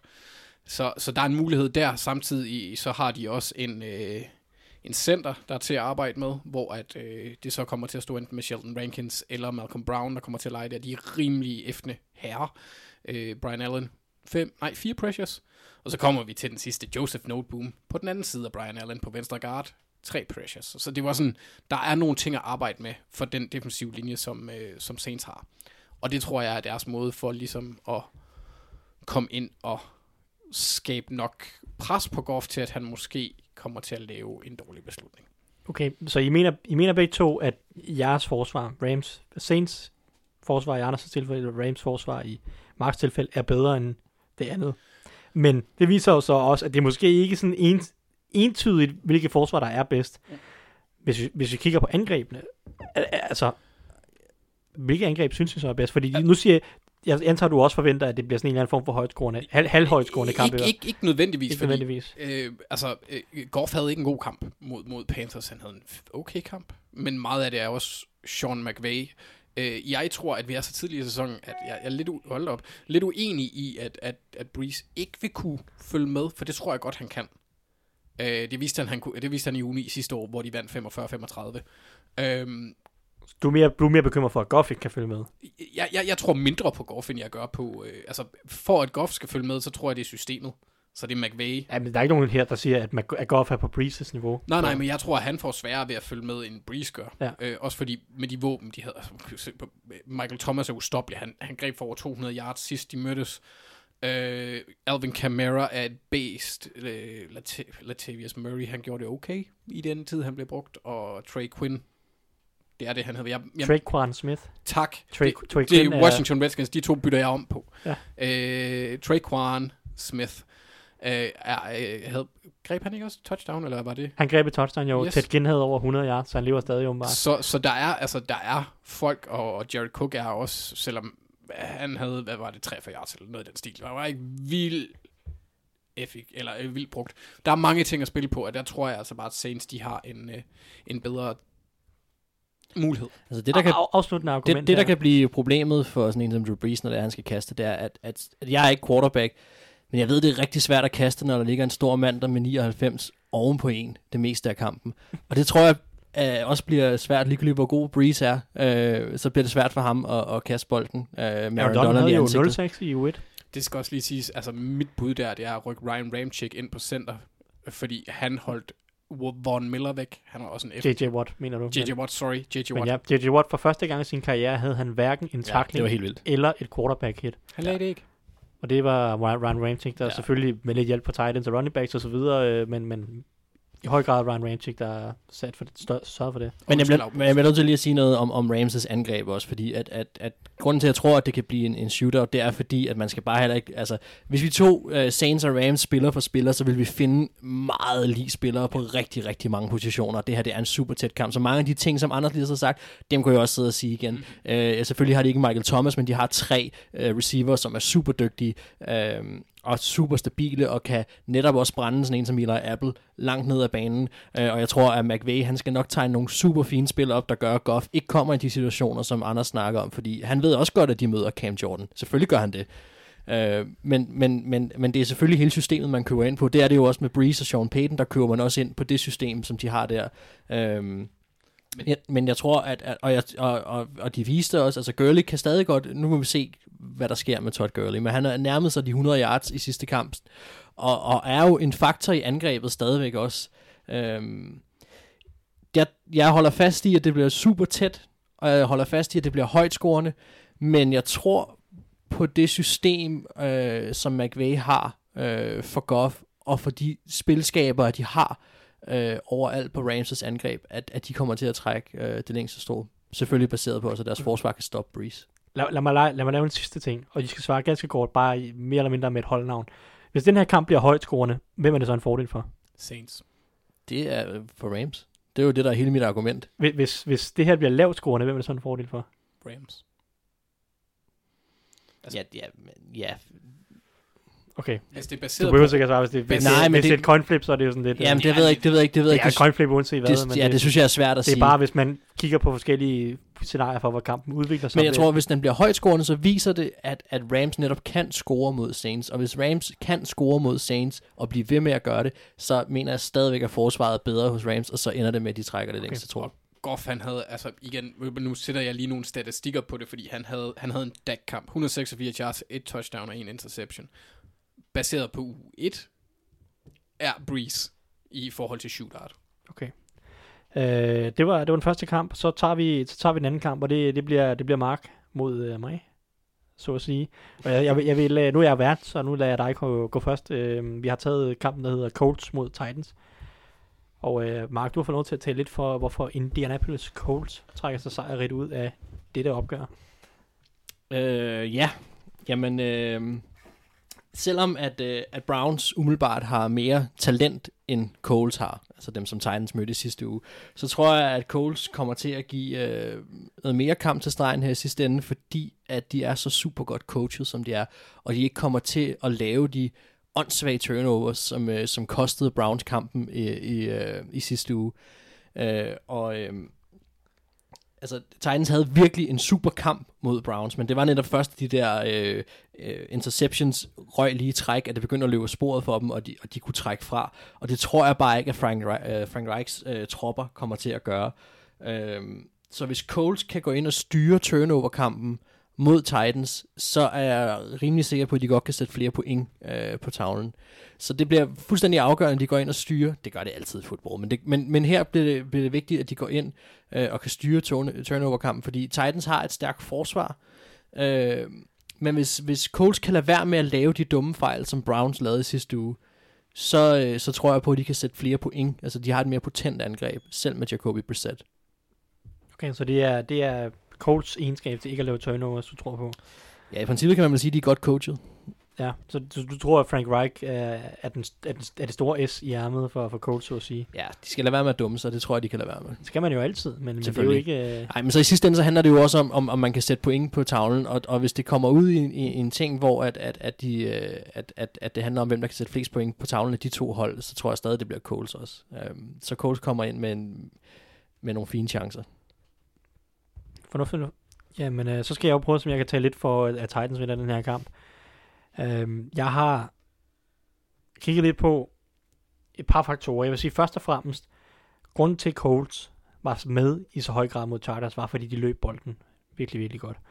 Marlon Mack havde 25 løb for 170 yards. Og, og, og man må sige, at, at Colts offensiv linje virkelig dominerede. Det er jeg ikke sikker på, at de kan gøre på samme måde mod Titans. Jeg tror, at Titans er mere solide.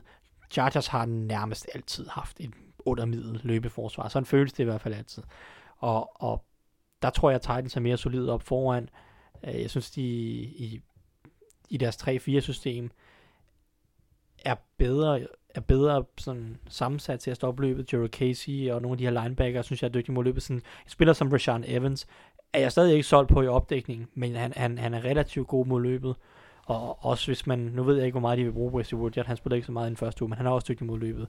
Øh, så jeg synes, jeg, jeg tror ikke, at Colts de kan få lov til bare at løbe, løbe Titans over, sådan som de i en eller anden grad løb Chargers over. Og så ved jeg ikke, helt, hvor mange point de kan score. Titans omvendt, jeg synes, jeg så nogle svagheder på Colts forsvaret. Uh, jeg synes, jeg synes i høj grad, det var, det var mest af alt Orson Eckler, der bare brændte dem. De, deres system. Jeg, jeg ved ikke, hvordan de ikke kunne få det ind i hovedet, at for det Rivers rigtig godt kunne lide at kaste over Nicola, fordi han var pivnøgen på så mange spil, at det gjorde helt ondt at se på. Jeg sad og så kampen, øh, og jeg sad bare, Colts, de kaster den til Eggler, det kommer nu op på salen. Og så er der bare seks mand til den nærmeste øh, forsvarsspiller. Jeg havde ham på mit fantasyhold, vil jeg lige nævne. Der, der var lige, lige omkring de 40 point. Ja, jeg Så- mødte ham. Men, men jeg, synes, jeg synes, det fik udstillet lidt i en anden grad nogle af de ting, som jeg synes, man kan angribe Colts på. Og det er nogle af de her kast, korte kast og, kort, og, og kast hen over midten i en eller anden grad. Fordi jeg synes ikke, deres linebacker er så gode i opdækningen. Jeg ved, der var meget hype omkring Darius Leonard sidste år. Jeg synes stadig, at at der, der hvor han manglede noget, det var i opdækningen. Han, jeg mener, han var den linebacker i ligaen, der opgav allerflest receptions af alle spillere. Øh, og Anthony Walker lige så ikke en spiller, jeg stoler super meget på i opdækningen. Han er lidt bedre, når han bare kan få lov til at løbe rundt øh, imod løbet og bruge sin fart der. Så, så der, der er jeg lidt interesseret i, for jeg synes Titans, de, de har i, i U1, det følger det lange screen til, til Darius, øh, Derrick Henry, viser, at de godt kan sætte screens op, de kan godt bruge det som en del af deres angreb. De har også Dion Lewis, som unægteligt kan gribe bolden. Han øh, havde så et, et Ja, han Ja, han havde et grumt drop i Ja, ja, det U1, havde men han havde også et par andre receptions. Ikke voldsomt effektivt, men de har spillere i deres backfield, som de kan prøve at, prøve at teste coach lidt på nogle af de her punkter, som de ikke var så gode til sidste uge i hvert fald. Og så vil jeg også sige, så kan de også godt angribe bolden hen over, eller angribe hen over midten. Og det er også der, jeg bedst kan lide Mariota. Det er, når han kaster hen over midten Mm. til, til Titans, Delaney Walker. De brugte rigtig mange Titans generelt. Øh, John Smith og, øhm, jeg kan ikke huske, hvad deres tredje Titan hedder, han er mest blokerende, men, men øh, de, fik, de fik rigtig mange snaps, så de kan godt lide at bruge Titans, og det, det er et andet punkt, hvor jeg føler, at man kan, man kan godt angribe de her Chargers, eller Colts hold. Chargers gjorde det ikke egentlig så meget, men, men Hunter Henry havde trods alt øh, fire catches for 60 yards. Det var, det var bare nemmere for Chargers at give den til Eckler, fordi han var fri hele tiden. Men øh, jeg føler, man kan ikke det. Og så også en spiller som AJ Brown, som havde en rigtig god debut med 100 yards. Øh, jeg føler, han er god hen over midten til at finde nogle af de her bløde spots, og også en type som Adam Humphries kan arbejde mod det her zoneforsvar. Netop, netop mod zone øh, bør de være specialister i at kunne finde de her bløde punkter. Og, og der, der tror jeg, at Titans har en rimelig god chance for at, for at finde nogle af de her ting, finde, finde udnytte nogle af de her zoneforsvar, og så udnytte nogle af running backsene, og så vel at mærke stoppe løbet bedre end, end Chargers gjorde, og på den måde øh, potentielt vinde kampen. Det, det, det, det kunne jeg godt være, være måden for at se, øh, se dem vinde for, for mit vedkommende. Altså, vi er fuldstændig enige om, at Titans kommer ind øh, til den her kamp med det, med det bedste forsvar. Jeg har også svært ved det her, fordi at, at, at Titans er et hold, jeg er rigtig høj på i år, øh, og synes, de har nogle rigtig fornuftige ting kørende for sig. Men jeg tror sådan set på, at, øh, at angrebet bliver deres svaghed, og jeg tror, at, at, at Coles kan finde ud af at lukke ned for Mariota rimelig nemt. Øh, og og, og det, er, det, det, det er det, der bliver problemet for dem. Det er jo selvfølgelig et problem, hvis ikke man kan sætte point på tavlen, men, men det, jeg tror, det er det, der går hen og bliver problemet. Jeg tror, de får lukket ned øh, for, øh, for Mariota, og så tror jeg, at, at, at det kræver, at de, øh, som du selv siger, de løb bolden rigtig meget, Coles, øh, i første kamp. Så det kræver, at de får åbnet mere op, og de får brugt, udnyttet T.Y. Hilton, og de får udnyttet nogle af de playmakers, de har øh, på receiver-positionerne. Øhm, så det er jo selvfølgelig også det, der skal ske. Selvfølgelig skal de åbne mere op for, for kasterspillet, fordi at, at gå ind og tro, at de kan løbe Titans over, som du siger, det tror jeg også godt, de kan se langt efter. Øh, det bliver et problem. Men jeg har mere tiltro til Coles angreb, end jeg har til, til Titans angreb. Og, øh, og det kommer, tror jeg, bliver afgørende til sidst. Altså. Nu, øh, jeg synes, det er fine argumenter. Nu, øh, nu glemte jeg lige før, men har I et øh, spiltips til øh, Rams Saints? Lynhurtigt. Øh, ja, Inden, på, inden, inden, inden, inden for oddset. Ja, altså jeg, jeg, har, jeg har gået sådan lidt en... Øh, ja, det er måske det, det bet, man siger, man aldrig skal lave. Men fordi, lige præcis fordi det er den her kamp, og fordi det er de to hold, der møder hinanden, og fordi de er så tætte, som de overhovedet er, så fandt jeg et odds, der hed, at hvis en af holdene vinder i overtime, så er det 48 gange igen øh, på det bet, man nu har lagt. Og, Og så skal du også vælge holdet. det er ligegyldigt, hvad for et af holdene det er. Ja, du skal, Okay. vælge, du skal vælge det hold, der vinder i overtime, men Ellers begge hold, men begge hold giver det samme. Du kan også spille på uafgjort, antager jeg, et eller andet sted. Men hvis du spiller på, at, øh, at Los Angeles Rams vinder i overtime, eller hvis du spiller på, at Saints vinder i overtime, øh, så, øh, så får du 48 gange igen. Og det synes jeg, det synes jeg er lidt... Det, Det er lidt risky bet. det er et risky, øh, og det er mange penge, øh, øh, men det er mange penge, man kan få igen. Så hvis man spiller en, en 10'er, eller hvad ved jeg, så, så er der jo noget øh, at, at hente på det. Jeg ved ikke, jeg har det bare sådan, når man gennemgår den her kamp, og som det vi også sad og snakkede om det først, man tager det spiller for spiller, og man kender deres historik og så videre. Jeg kunne godt se den her kamp gå i overtime. Og så skal man så, og det, det er selvfølgelig svært i NFL, fordi mange ting skal gå den rigtige vej, og det kan være et field goal, der skal brændes, før det lader sig gøre, eller et eller andet. Men jeg kunne bare godt se den her kamp som en af de kampe, der potentielt gik i overtime. Så skal man så kunne finde ud af at sige, hvem der vinder også. Øhm, så det er... Det åbner også op for nogle spilmuligheder, man kan spille på, at det, det ene hold uh, max taber med et eller andet antal. Ja, ja, selvfølgelig. Der er jo masser af andre, et man kan lave. kan man jo spille Men med. Er det, er det måske noget, er det, er det sådan et tip, du har? Øh, nej, nej, nej, nej. Du har fundet på noget helt andet. Ja, jeg kommer til at, jeg kommer til at gentage mig her. Øh, eller ikke gentage mig. Ramte, Jeg- ramte du for øvrigt nogle af dine to i sidste uge? Ah, garanteret ikke. Jeg har ikke rigtig... øh, Jeg har ikke rigtig... Ej, jeg ved, du ramte ikke Panthers, fordi den havde du til, den kamp skulle være under sådan noget 38 point, og den endte Nå, 30, ja, nej, det gjorde jeg overhovedet ikke. Det er Ja, jeg ret sikker på. Jeg havde en anden en, hvor det også var lavt scorende. Hvor Så var det Colts uh, Chargers. Jeg ved ikke, hvad du... Uh, jeg kan ikke huske, hvad du havde der. Nej, det kan jeg heller ikke selv. Men det var... Nej, jeg tror bare, du havde Colts straight up som, over, som, som en form for opsæt. Ja, det havde jeg i overraskelse. Ja, Ja, det er okay. sandt. Den Nå, her Jeg gang... vil bare lige sige, uh, bare lige for at blære mig lidt, jeg ramte begge mine to uh, sidste uge. Mm. Kaching!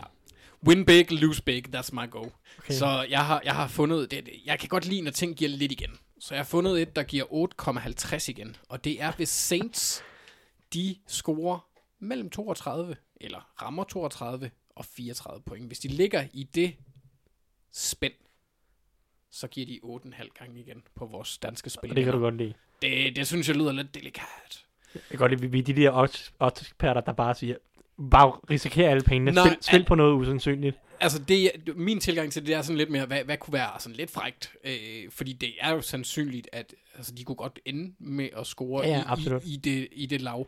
Og jeg synes, altså, det er jo personligt mig, ved, fordi jeg er jo en thrill-seeker. Anders Danger Kaltoft er mit navn, øh, tror jeg. Nej. Men øh, det er for kedeligt at tage sådan en lige på kamp. Sådan Rams vinder, de giver blag igen. Øh, så jeg satser lidt her. Okay, okay. Lad, os, så, lad os tage den for Colts Titans, som vi, er- jeg kan starte ud med at sige. Jeg har faktisk, øhm, jeg har taget den, der hedder Titans vinder med 1-6 point. Øhm, og det er, hvis, hvis de vinder, så tror jeg, det bliver tæt. Jeg, jeg, jeg føler, det her det er, en, det er en kamp, der bliver relativt lavt scorende, bliver relativt tæt. Den kan også sagtens tippe Colts vej, men jeg tror, hvis Titans vinder, så bliver det mellem 1 og 6 point. Og det kan du få 3,75 gange pengene igen øh, for inde på, på oddset. Har du, øh, har du en til som den Ja. ja. Colts-siden af Ja, sagen? det, ja, det har, nu kan det være, at vi skal vække Danger Anders står, når han falder i søvn over mit kedelige bet, men jeg har straight up, at uh, Coles vinder. Uh, og det giver nemlig to, uh, 2,55 igen, og det synes jeg faktisk var lidt overraskende, at det ikke er mere lige. Det synes jeg faktisk er et rigtig pænt bet. Det er jo lige Øh, hjemmebanen, der gør forskellen der. Ja, men det er stadig divisionskamp, så der, jeg ved ikke, jeg synes bare, det er, det, det, det, det synes jeg er et fint bet. Altså, så, så det vil jeg gå med. Altså, Coles, Coles snupper den straight up. Okay, okay. Så lad os tage den sidste kamp i, i hvorfor vinder de. Og det bliver så uh, Anders uh, og undertegnet, der skal snakke lidt for det ene og det andet hold. Vi har taget den kamp, der hedder San Francisco 49ers mod Cincinnati Bengals. äh, øh, Bengals sorry. Um, og uh, Anders, vil du ikke lægge ud med at tale lidt for, hvorfor at 49ers de vinder den her kamp? Jamen, altså, 49ers, de vinder den her kamp på deres defensive linje. Øh, det er en, en rigtig god, der er nogle rigtig gode spillere på den øh, defensive linje, plus øh, Bengals har en virkelig dårlig offensiv linje øh, mod, øh, mod, mod Seahawks. Øh, en kamp, de taber snævert. Opgav de 21 pressures. Det er 5 sacks, 1 hit, 15 hurries. Au. Så, så der er noget at lege med for dem der. Øh, plus, altså det, det er lidt som om, at Bengals svaghed taler til 49ers styrke her. Og, og det er det, jeg satser på, at, at skal vinde dem for dem. Det var lidt en... Altså, det var ikke en god kamp, 49ers de havde. De levede meget på, hvem der havde den ringeste quarterback. Det, var sådan, det var ikke en kamp om, hvem der var bedst. Nej, Det var en kamp om, hvem der var mindst dum. det var Og- Garoppolo var mindre dum end Winston. Lige præcis. Ja. Ja. Winston, han var dobbelt dum. Øh, I hvert fald i forhold til pick sixes. Øh, det var- han kastede en til Richard Sherman, der har to i, havde to i sin karriere øh, førhen, hvilket overraskede mig en lille bitte smule. Ja, men han forventede har næsten højere. 30 i interceptions i alt. Ja, ja, altså han kan godt lide at tage bolden, men øh, han er hurtig nok til at tage den hele vejen. Øh, på nær lige mandags. Øh, søndags. Så, så jeg, jeg, satser, jeg, jeg, ser, jeg ser clinchen i the trenches være forskellen her, fordi det er to hold, der kommer ud af et, det er et meget lignende trænertræ. Øh, I forhold til Shanahan, McVay, der er nogle ting, hvor at de ligesom har... Altså, McVay har været under Carl og Mike Shanahan i Washington. Uh, han har selvfølgelig også været under John Gruden. Jeg ved ikke, hvem han er mest influeret af, men jeg går ud fra, at det er... Altså i forhold til deres løbespil er de begge to outside zone. Lige præcis. Uh, så, men, men Jeg synes, kastespilmæssigt er der nogle rimelig, rimelig markante forskelle. Vi har et spørgsmål senere omkring West Coast offense. Der er 49ers, Shanahans mere West Coast-agtig mm. end McVay's. McVay's er meget mere vertikalt på en eller anden måde. Ja, ja, ja og, og så, men, men det, det bliver stadigvæk sådan, det bliver interessant at se de to trænere, fordi nu er det jo også, altså Kyle Shanahan, han skal, han skal, han skal vinde den her kamp. Øh, så jeg tror på, at, igen, jeg kommer til at gentage, men det, det bliver den defensive linje, der gør forskel for 49ers i den her kamp, og det er derfor, de vinder. Jeg tror, i forhold til, hvordan man kigger på våbne på kryds og tværs, øh, offensiv mod offensiv, er, er de, er, altså selvfølgelig har Bengals lidt flere våben, fordi de har Tyler Boyd, øh, velkendt. Og John Ross? Ja, og John Ross, han er blevet en ting. Han har skiftet nummer og er blevet øh, sweet. Og det skal altså også lige siges, det bliver vi nødt til at rose Zach Taylor for. Det spilkald, hvor de kalder flea At, altså, det, bare, det, det, er, det er mit, favor, det er mit favoritspil fra den, øh, fra den uge. Jeg har faktisk ja. tænkt mig at lave en, øh, en video med den inde på Google Lud, som man kan gå ind og læse. Det er lækkert. Jet Motion flea flicker ind til jet, altså jet motion ind i, running, eller ind i wheel route, flea flicker, det, det er bare lækkert. Og, og måden de designer det på, sådan at de har, de har baseret det på, hvordan Seattle normalt trækker deres coverages på øh, specielle spil og sådan noget. Det er, øh, det er dejligt. Det var, det var et fedt spil. Så øh, Zach Taylor, øh, positiv start i forhold til, hvad man sådan ligesom havde hørt skal, og forventet. Skal, skal du sidde og tage mine øh, pointer, eller hvad?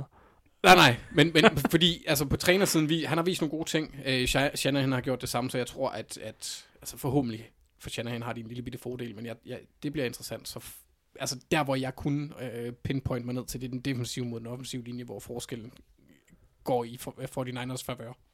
Yes. Det er sjovt, fordi jeg har, øh, jeg har også fokuseret på den defensive linje. Det er bare Bengals defensive linje. Mm. Jeg har også set et, mis, et mismatch der, fordi at Bengals defensive linje var rigtig, rigtig god i den første uge. De lukker helt ned for Seahawks løbespil, for også øh, en hel del pres på Russell Wilson, som jeg mener, Russell Wilson dropper tilbage og kaster den 25 gange, der er pres på om 18 gange, eller noget stil. Øh, rigtig, rigtig, rigtig, rigtig stærk defensiv linje. Carlos Dunlap, Gino Atkins kender vi, men der var også rigtig, rigtig velspillende i, i, i modløbet. Andrew Billings og Graham Glasgow, ikke Graham Glasgow, men Ryan Glasgow, sorry. Uh, og så uh, Sam Hubbard mm. spillede en rigtig god kamp, havde to sacks også. Den her defensive linje for Bengals, den er ret talentfuld. Jeg ved ikke engang, jeg er ikke engang med til Carl Lawson, om han var inde, eller hvor meget han spillede. Men det er en anden dygtig spiller. Uh, og, og det tror jeg godt, de kan replikere mod den her 49ers offensive linje, som er okay, bedre end Seahawks, men indvendigt synes jeg, at den er lidt shaky. Jeg forventer helt sikkert, at Gino Atkins kan finde noget succes inden mod uh, uh, Western Richburg, Legan Tomlinson og uh, Mike Person. Der, der, der tror jeg, at han kan finde noget succes. Og ikke mindst stoppe løbet, som altid er en vigtig del af Shanahans forsvar, øh, og, og som også er svækket unægteligt ved, at Tevin Coleman, Tevin Coleman er blevet skadet. Øh, så hvis de kan stoppe løbet, og så fokusere på oplægningen, fordi jeg synes jo, problemet med Fort Niners angreb lige nu er, der er ikke nogen ordentlige wide receiver overhovedet. De har ikke nogen ordentlige wide receiver at kaste, og Garoppolo så heller ikke ret god ud her i den første uge mod, mod Buccaneers. Om det så er netop er, fordi wide receiverne er dårlige, eller om han bare ikke er god, det må vi så prøve at se over hele sæsonen. Men lige nu, der vil jeg gerne have Fort Niners til at kaste bolden en hel del. Jeg vil gerne se, om Garoppolo og de her receiver kan slå dig. Fordi Bengals secondary er ikke den bedste kamp mod Seahawks, men der er stadig nogle, nogle ret solide spillere. William Jackson, som ikke havde en god kamp mod Seahawks, bør være en habil, habil cornerbacks, og øh, ja, habil cornerback. Og jeg tror godt, de kan vinde det matchup på ydersiden, unægteligt.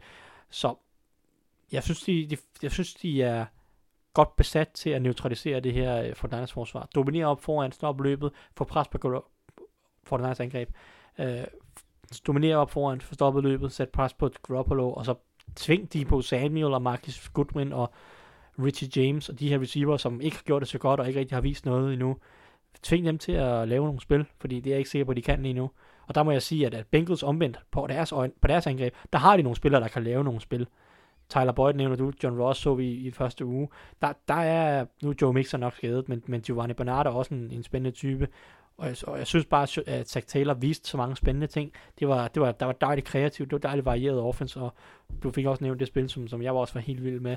Men der var bare mange, der var mange gode ting i det her indgab. Det var meget varieret. Der var masser af cast, der var masse, der var samtidig dybekast, der var screens, der var altså, der var en masse også fede ting i forhold til cover 3 beaters, som de kan gentage imod 49ers. Altså ting, der kan slå cover 3, fordi 49ers og Seahawks spiller meget, meget, meget langt hen ad vejen samme system. Så det virkede, det virkede bare, det virkede veldesignet angrebet. Og der tror jeg bare, at de kan lave flere spil, end Fortnite Anders kan, med, med de våben og, øh, og den quarterback, fordi lige nu, der ligner Andy Dalton den bedre quarterback af de to. I hvert fald baseret på den meget lille sample size, der hedder ja. U1. Men, men baseret på U1, der var Andy Dalton den bedste quarterback af de to. Så jeg tror, at, at Fort Niners øh, angreb simpelthen ikke er lige så godt som Bengals. Og Bengals, altså, ja, jeg tror, jeg tror bare, at Bengals angreb får det lettere på en eller anden måde. Og det er derfor, jeg tror, at, at Bengals vinder. Mm. Øh, skal vi tage nogle øh, spiltips hurtigt? Ja, øh, altså jeg har igen, det, det, det minder lidt om det, jeg havde før. Den her gang er det bare sammenlagt antal point, og det er øh, mellem 40 og 43. Det ser jeg ikke som sådan et usandsynligt bud i forhold til den her kamp. Hvis man, øh, hvis man sætter to defensive touchdowns væk fra... Øh, ja, det er selvfølgelig her vis og vis og vis, men så sko 49ers scorede ikke mange offensive point. Så jeg tror, det bliver Den, lavt. den stod 20-14, så vidt som jeg husker, med 8 minutter igen af 4 kroner. Og de scorede to defensive. Og hvad, hvad, jeg kan ikke engang huske, var det 34 20, 14, så den sluttede, eller hvad? Nej, jeg tror, det var mere sådan noget 34-17 eller 34-20, men, Okay, ja. men ja. Øhm, men, men ja, så jeg tror egentlig, at det bliver relativt lavt scorende, så jeg tror godt, at man kan, man kan ramme sådan nogenlunde øh, mellem 40 og 43 point, og det giver så også en, en 6-40 igen. Det er ikke noget, jeg vil sætte mit hus afsted på, men jeg har ikke noget, så derfor do it. Øhm, udmærket. Jeg har, øh, jeg har et, øh, jeg har et, øh, et handicap bet, hvor jeg siger, at øh, Bengals de vinder med over 5,5. Det, det får du 2,8 gange penge igen på. Og øh, jeg synes, øh, jeg, jeg kunne sagtens se den her kamp øh, blive forholdsvis overbevisende Bengals sejr. Det er klart, at Fortnite har øh, absolut en chance, men, men det er slet ikke usandsynligt, at, at Bengals vinder med 7-14 point, synes jeg. Så jeg synes, det er et ganske fint odds at få næsten tre gange penge igen på, at Bengals vinder med over 5,5. Sagde du 2,8? 2,8, ja. Ja, ja, sød. Sød. Så, øh, Den vil jeg satse mere på, end, end at ramme det ja, specifikke du, vil, point. du vil satse et større hus. Jeg vil satse hele huset. Ja. Ej, øh, lad os se, lad os se hvordan, det, hvordan det ender. Skal vi, tage, skal vi lige tage og kigge netop lidt på oddsen, og så sige, har vi, har vi ugens overraskelse et eller andet sted?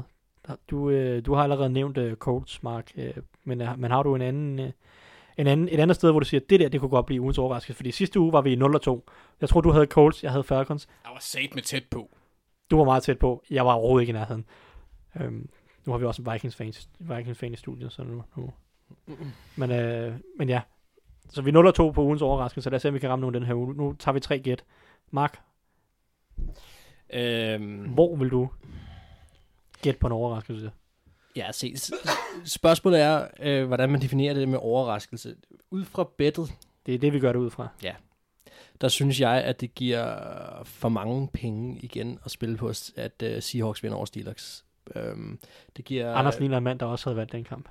Det, det, han er en mand, der også har Tyson ligner en mand, der havde den som, øh, som backup, hvis de andre havde taget sin første. Ja, Nå, okay. Men, det, øh, men det giver 2,55 igen at spille på, at uh, Seattle, de to, kan... 2,80 2,80, nu her. Nå, det, nå, så er det rykket siden tidligere. Jeg har, 82. jeg har den 82. to, Hold to, op, to, så er det jo blevet et endnu bedre bet siden sidst. Øhm, ej, det... Jeg, altså, Seahawks så dårlige, eller Steelers så dårlige ud i U1. Ja, og, og, og man, det, Russell Wilson kan bare...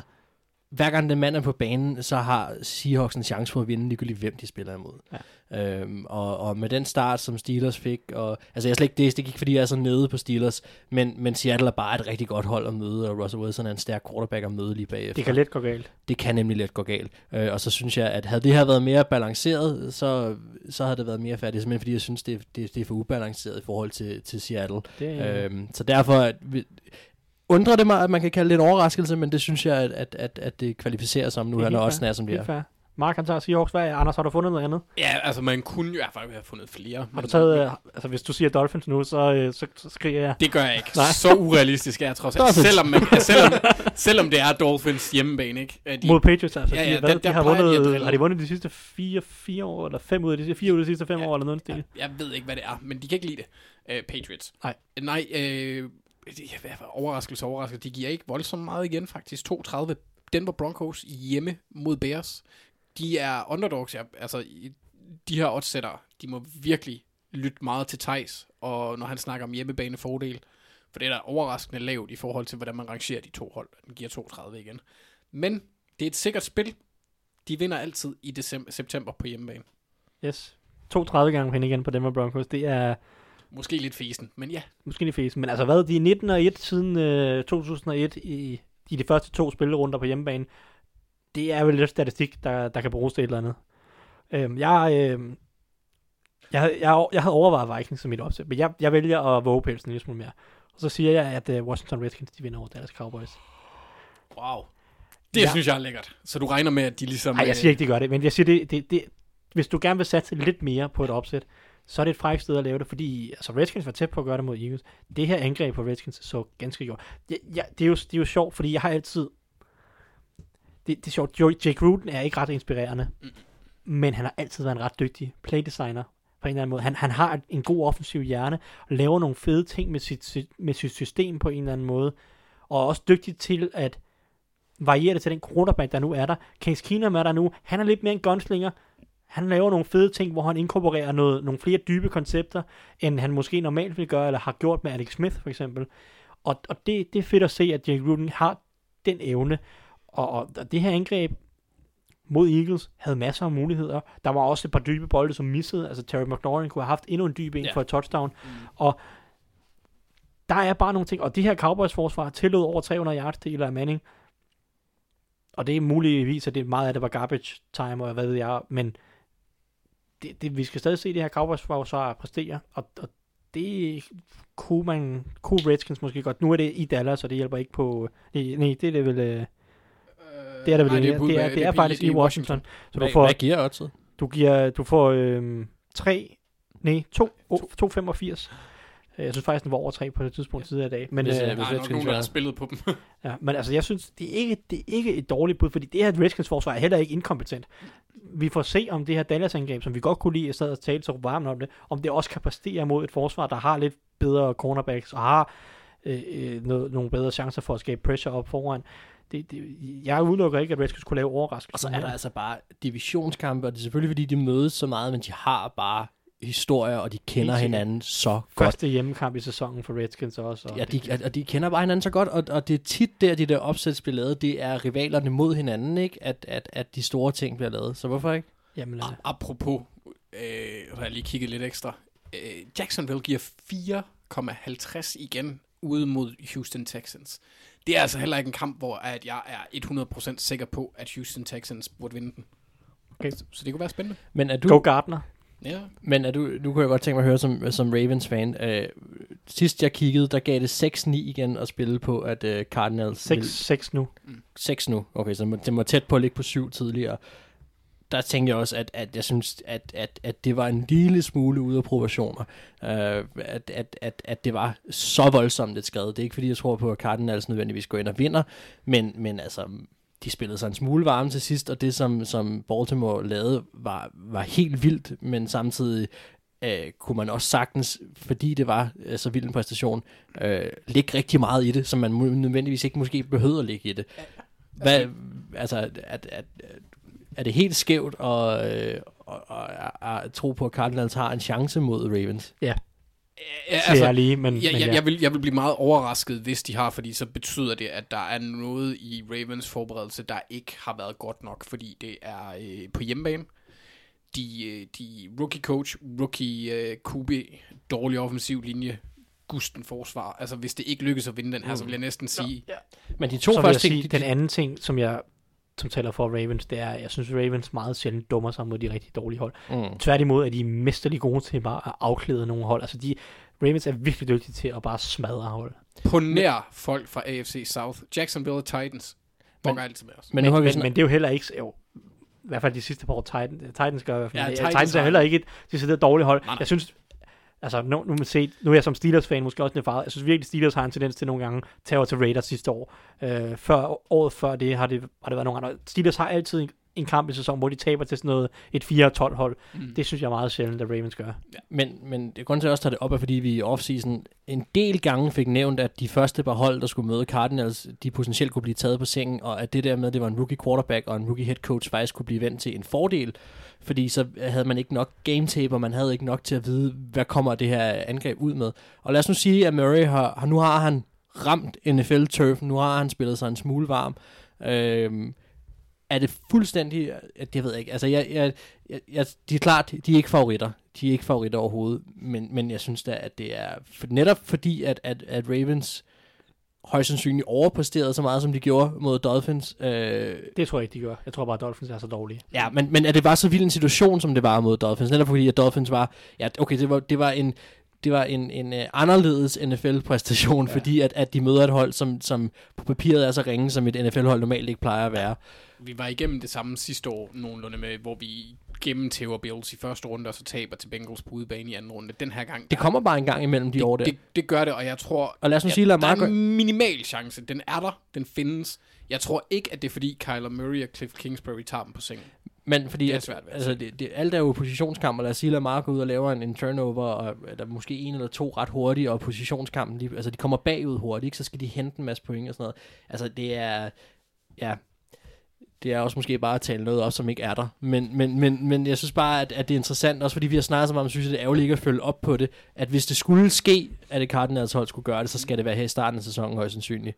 Og, og altså, det ville da være en vild historie, hvis Baltimore går ud og, og dominerer og i den ene uge, og bliver slået af Cardinals i den anden uge. Det vil, øh, det vil øh, fuck med mit hoved. Ja, Det er helt sikkert. nok med fleres.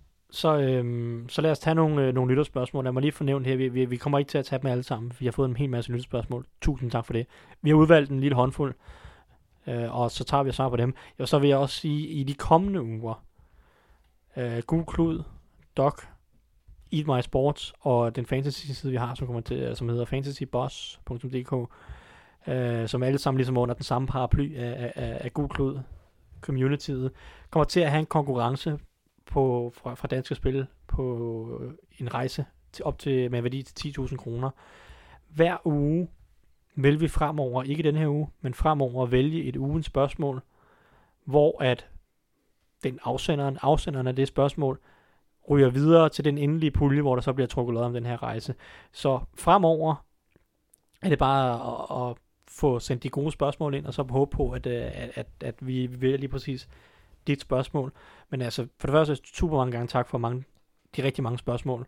Vi tager kun nogle stykker af dem den her uge, men øh, fremover, så har man så, udover at man stiller et spørgsmål og deltager i fodboldsnakken, og får os til at snakke om noget, så har man også måske muligheden for at potentielt vinde en rejse til en værdi af 10.000 kroner.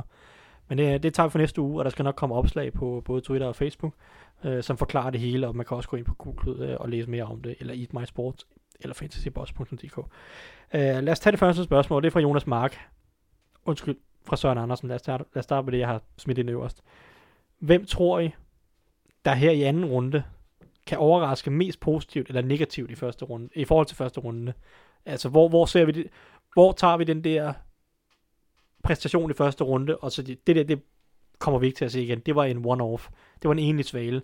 Hvem, hvem, hvem tror vi havde den enige svale i U1, som for, i U2 kommer ned på jorden, eller får bevist, at de rent faktisk er bedre, end de viste i U1? Altså, jeg kunne godt forestille mig, at Jacksonville var et af de hold, der godt kunne øh, vende den, hvis det var sådan i forhold til, hvem der kom ned på jorden igen. Jeg tror ikke, at Ravens taber, men jeg tror, det bliver væsentligt mindre magisk, end det var i weekenden. Men Jacksonville helt sikkert en af dem, der kan vende sig. Du, du tror, de tror, de kan levere mere, end de gjorde i U1?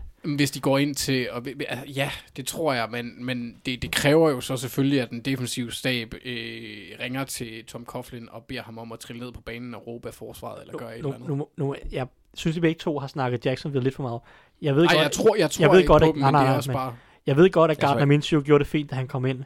Men det er også nogle gange bare lidt let, eller nogle gange ser man, at det, man kan komme ind på banen, modstanderen har ikke forberedt sig overhovedet på dig, og så kommer du ind, og så laver du bare lidt, lidt, lidt lette kast, og så fungerer det meget godt.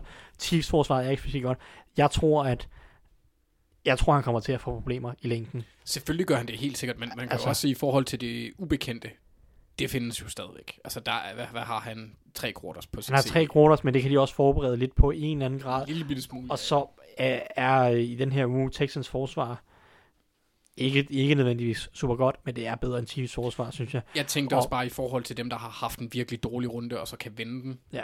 Sorry. Ja, jeg tror bare ikke meget på en rookie quarterback, der har valgt i 6. runde, trods alt. Selvom at han allerede har bevist, at måske skulle han have været valgt en lille smule højere, for der er et eller andet at arbejde med, så er det bare meget, meget hårdt lige pludselig at skulle være starter. Og, Altså, jeg vil sige, jeg er heller ikke interesseret i at tale Jacksonville op, hvis jeg har gjort det, men, men jeg er i hvert fald bare ude men at jeg sige, men jeg er ude i jeg at synes, sige, der er en generel stemning, Men jeg- jeg, ham der Gardner Minshew, han skal, han skal nok gøre et eller andet. Nå, men det er fordi, det er altid sjovt, når det her det sker, fordi der kommer altid nogen, Der er altid nogen, når nogen bliver skadet, det der next man op, så kommer der nogen ind, som man ikke har hørt om, eller ikke kender så godt, og som går ind og præsterer, og nogle af dem ender jo med at blive etableret starter, nogle ender med at blive stjerner, man kan aldrig vide det, men, men, Sure. det, det, men, det, så, men det der var spørgsmålet dengang, var jo, om, om, om Jaguars sæson var gået nedenom og hjem, øh, på grund af Foles-skaden, og det tror jeg ikke, det er, fordi Gardner Minshew er kommet ind.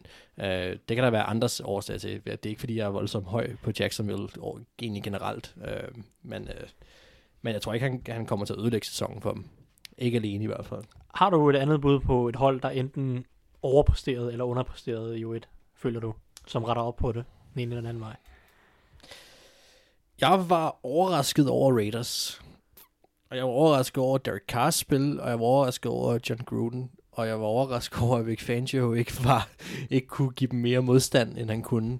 Øhm, så der vil jeg vente om at sige, at jeg tror, at Raiders kommer lidt ned på jorden, og jeg tror, at Broncos bliver bedre. Okay. I hvert fald Broncos forsvar bliver bedre. Øh, det er lidt hårdt det med Raiders, fordi at, at det er også bare... Det er, også bare Det er kun min- baseret på preseason. Ja, kun baseret på, ja, på prisen, men også min, ja, og min egen øh, holdning preseason, altså omkring, omkring hvilke spillere de har, og, og den måde, de gør det på. Jeg tror, Raiders på sigt nok skal komme til at, at, at blive rigtig godt. Og hvem ved, måske overrasker de allerede i år, og, og, og så er det bare den her stil, de lægger for dagen. Men min tiltro til Derek Carr er bare ikke særlig stor, så, så for mig er der større chance for, at han falder ned på jorden igen.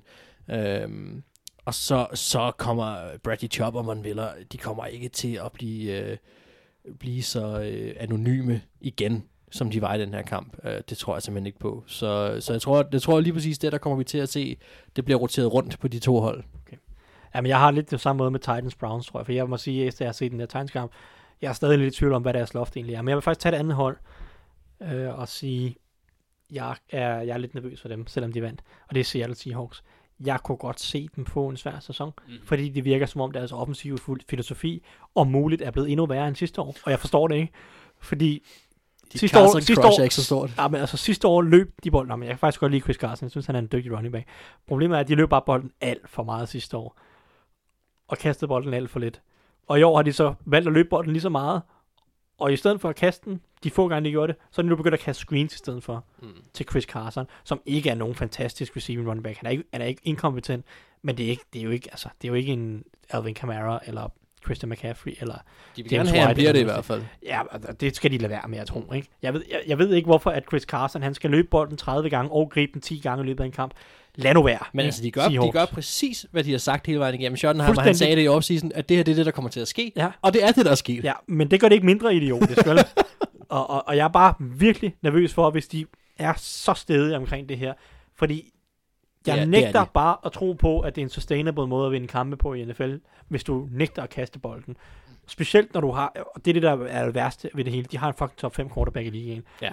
Vil I da for guds skyld bruge Russell Wilson? Jeg bliver så træt af at sidde og se Seahawks bare tonsen op igennem midten på første down, så kommer de anden down og 9, så tonser de den op igennem midten, og så er de også gået hjælp med at være ude efter kampen og sige, fordi det giver bare mange lange tredje downs, øh, også efter nogle penalties. sådan noget. Jeg tror, de havde mindst 3-4 tredje downs på over 10 yards i den her kamp mod Bengals. Og så er de ude efter kampen og sige, tro det eller ej, vi vil ikke rigtig kaste bolden på de her lange tredje downs, fordi vi er bange for at smide bolden væk. Pete Carroll, nu stopper du. Altså, jeg kan så sige... Nu stopper du. Russell Wilson, han kaster ikke mange interceptions. Det er ikke James Winston.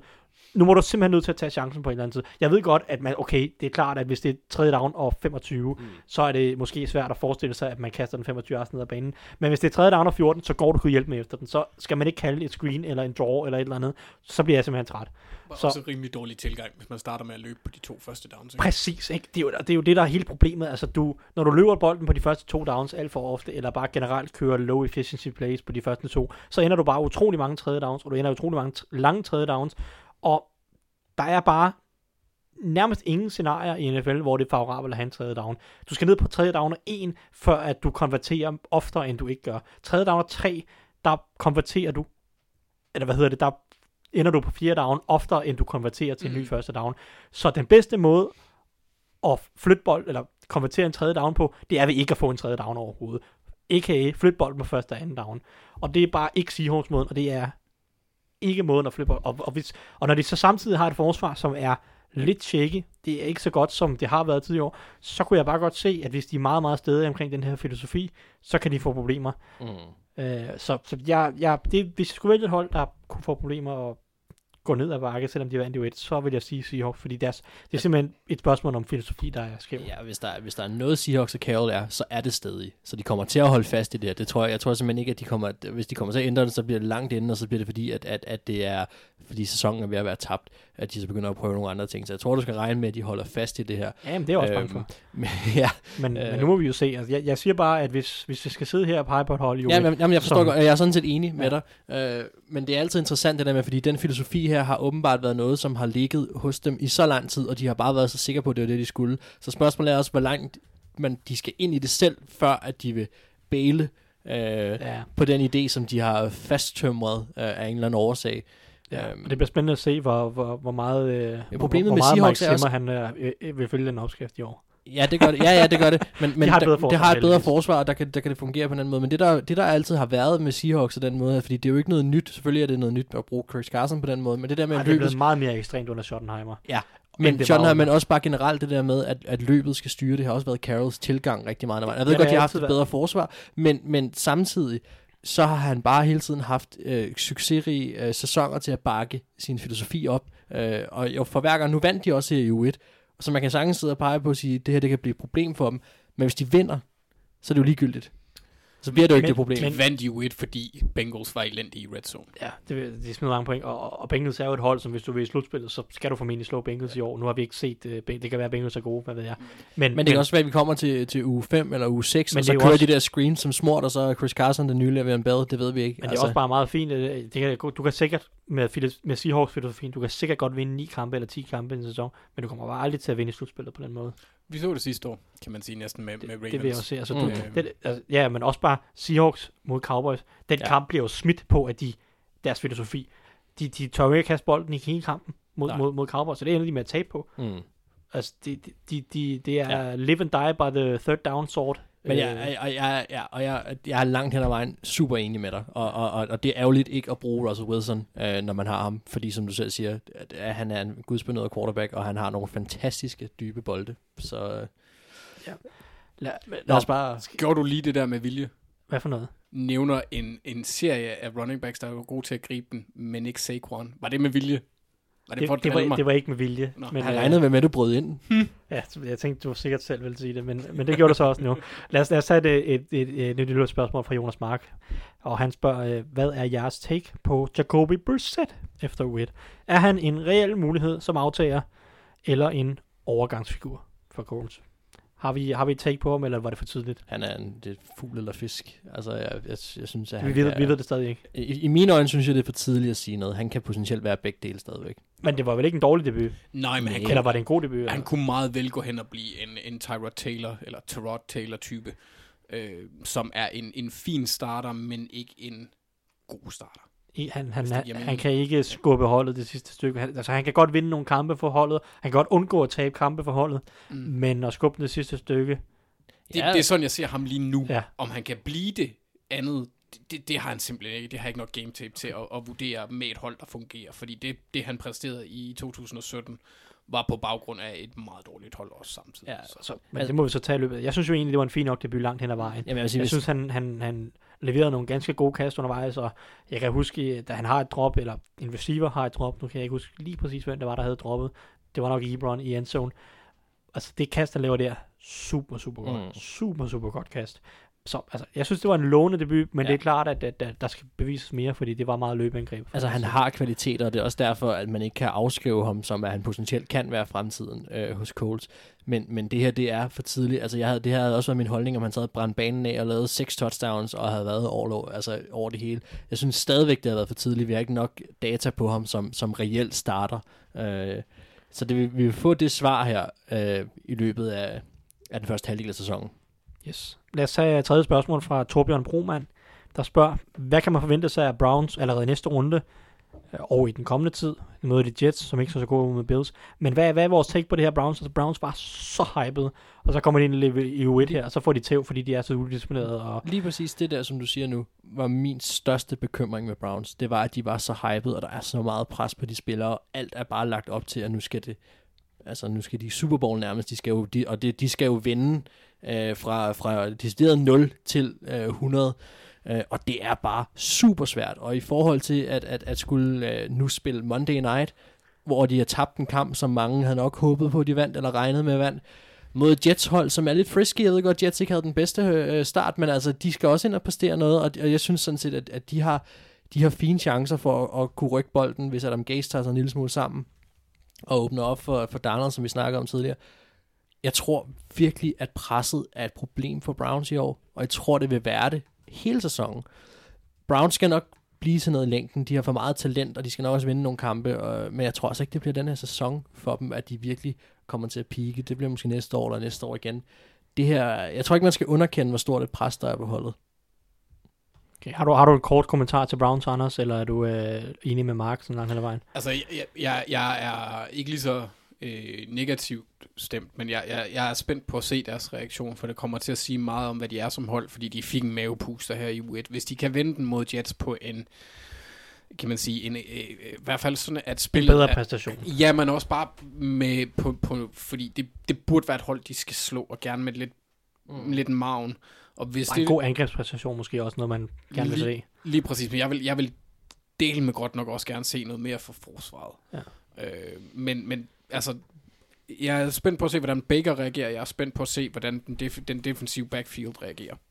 Altså Monday Night er jo den bedste scene til at lave det her. Så hvis Browns lige skal iscenesætte sig selv som, som det hold, som, som man skal tro på, så er Monday Night jo i hvert fald en af de store scener at gøre det på. Yes. Er det i New York?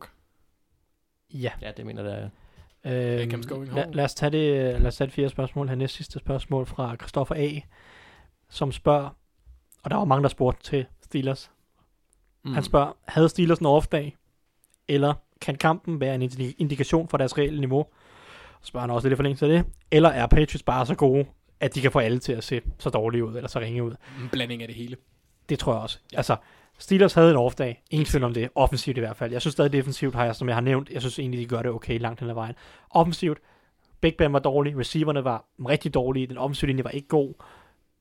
Der var ikke noget, der fungerede overhovedet. Gameplanen var dårlig. Altså, intensiteten på angrebet var dårlig. Det hele, det sejlede.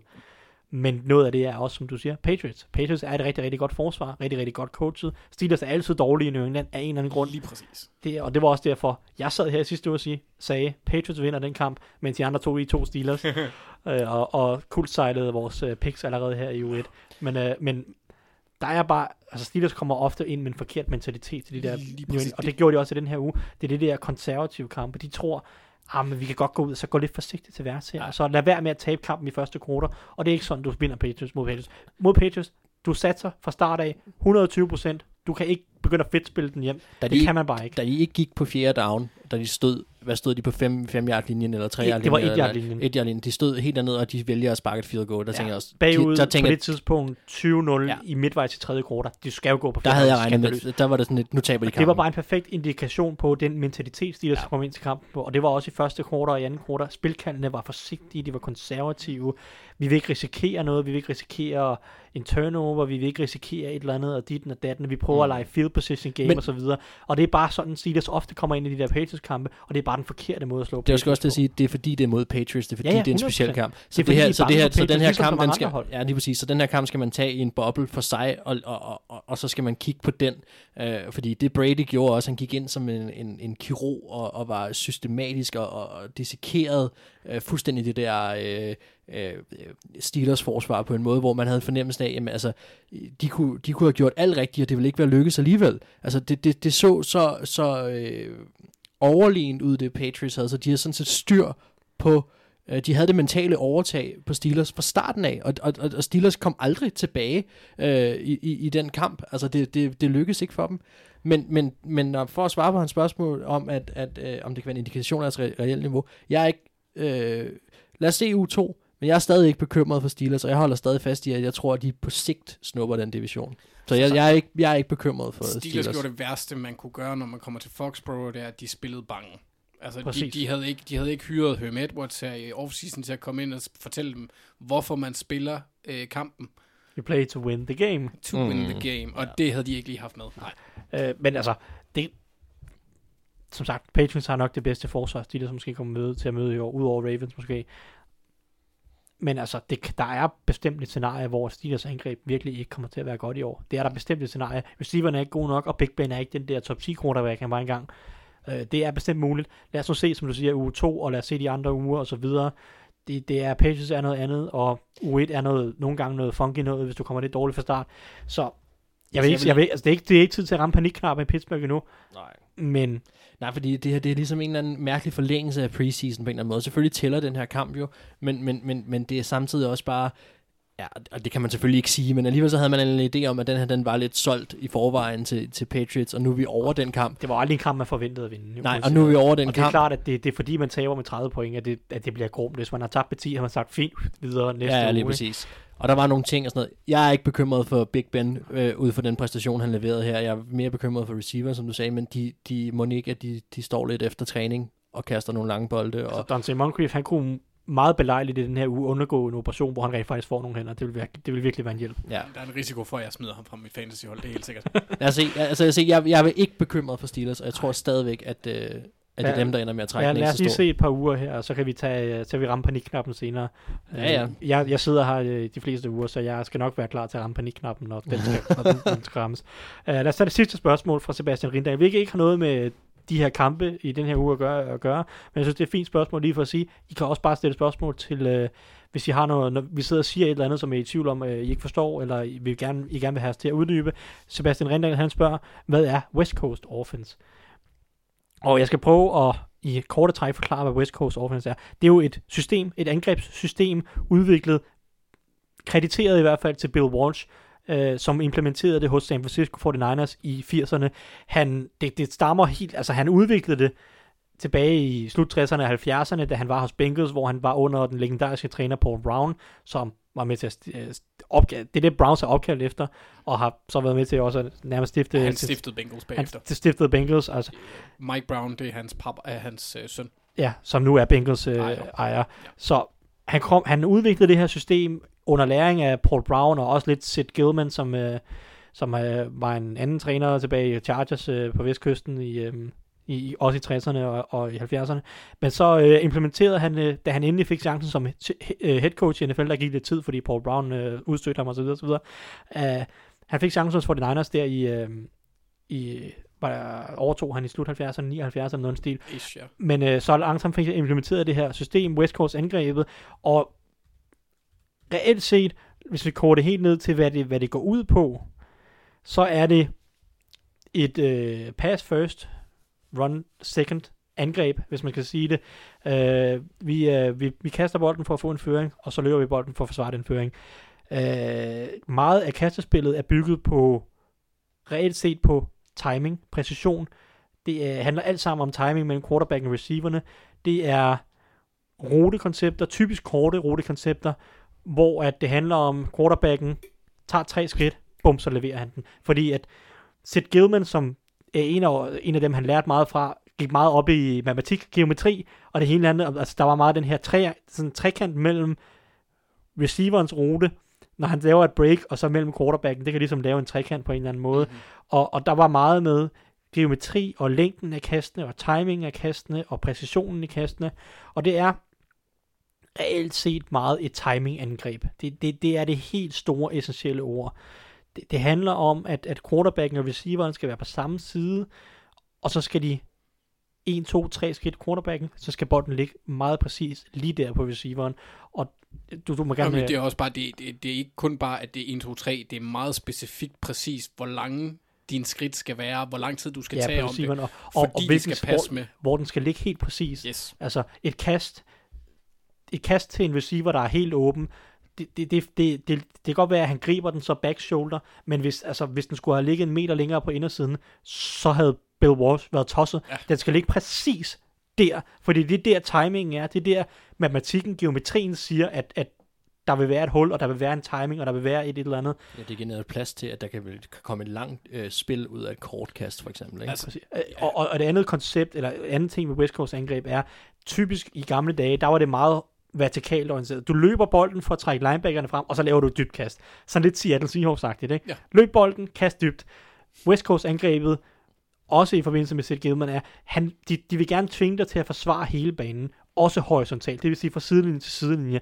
Så du prøver at strække forsvaret på alle ledere og kanter, det vil sige korte kast mod sidelinjen, øh, korte kast hen over midten, dybe kast. Du vil gerne lave lidt det hele timingbaseret på, på en eller anden måde. Og der er så, det er sådan lidt mere en filosofi, West Coast angrebet, end det er deciderede specifikke ruter og spilkald og sådan noget. Det er klart, at slanten for eksempel er meget klassisk brugt i, i West Coast angreb, og der er også andre rutekombinationer, som er meget brugt, men det er mere en filosofi, det her med de korte, meget timingbaserede, præcise kast.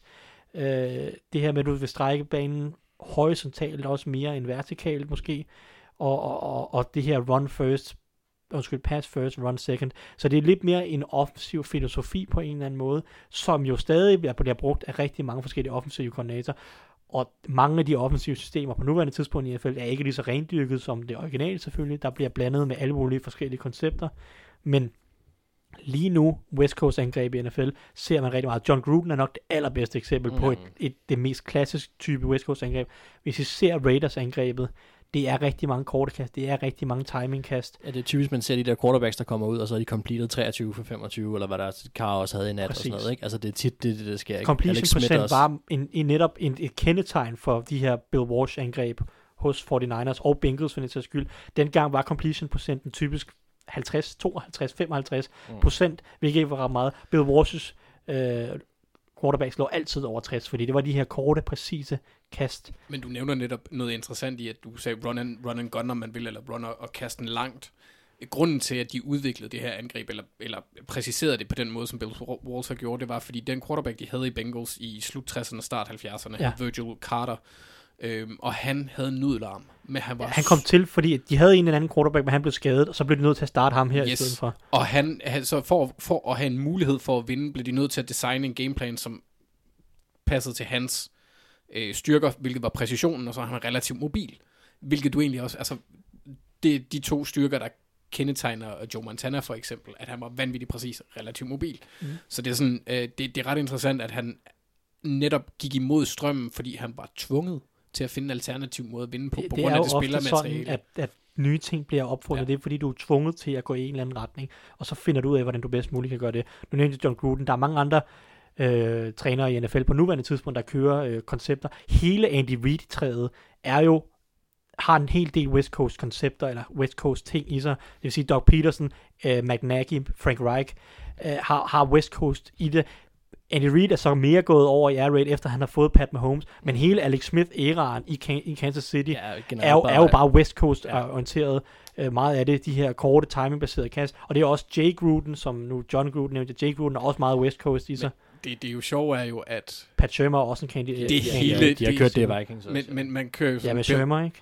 Ja. Bill Walsh, han, han, han havde uh, Mike Holmgren som assistent, og så tog til Packers, som havde Andy Reid som assistent, og det er som havde John. Gruden som assistent. Ja. Uh, man kan godt se, hvordan det, det ligesom det, er, det, er jo, det er jo de der trænertræer, man snakker om, mm, og ofte bliver de inspireret af hinanden, og det er jo også det, man snakker om nu til dags med Sean McVay og, og alle hans disciple. Matt LaFleur er så mere en Kyle Shanahan-disciple, end han er en Sean McVay-disciple.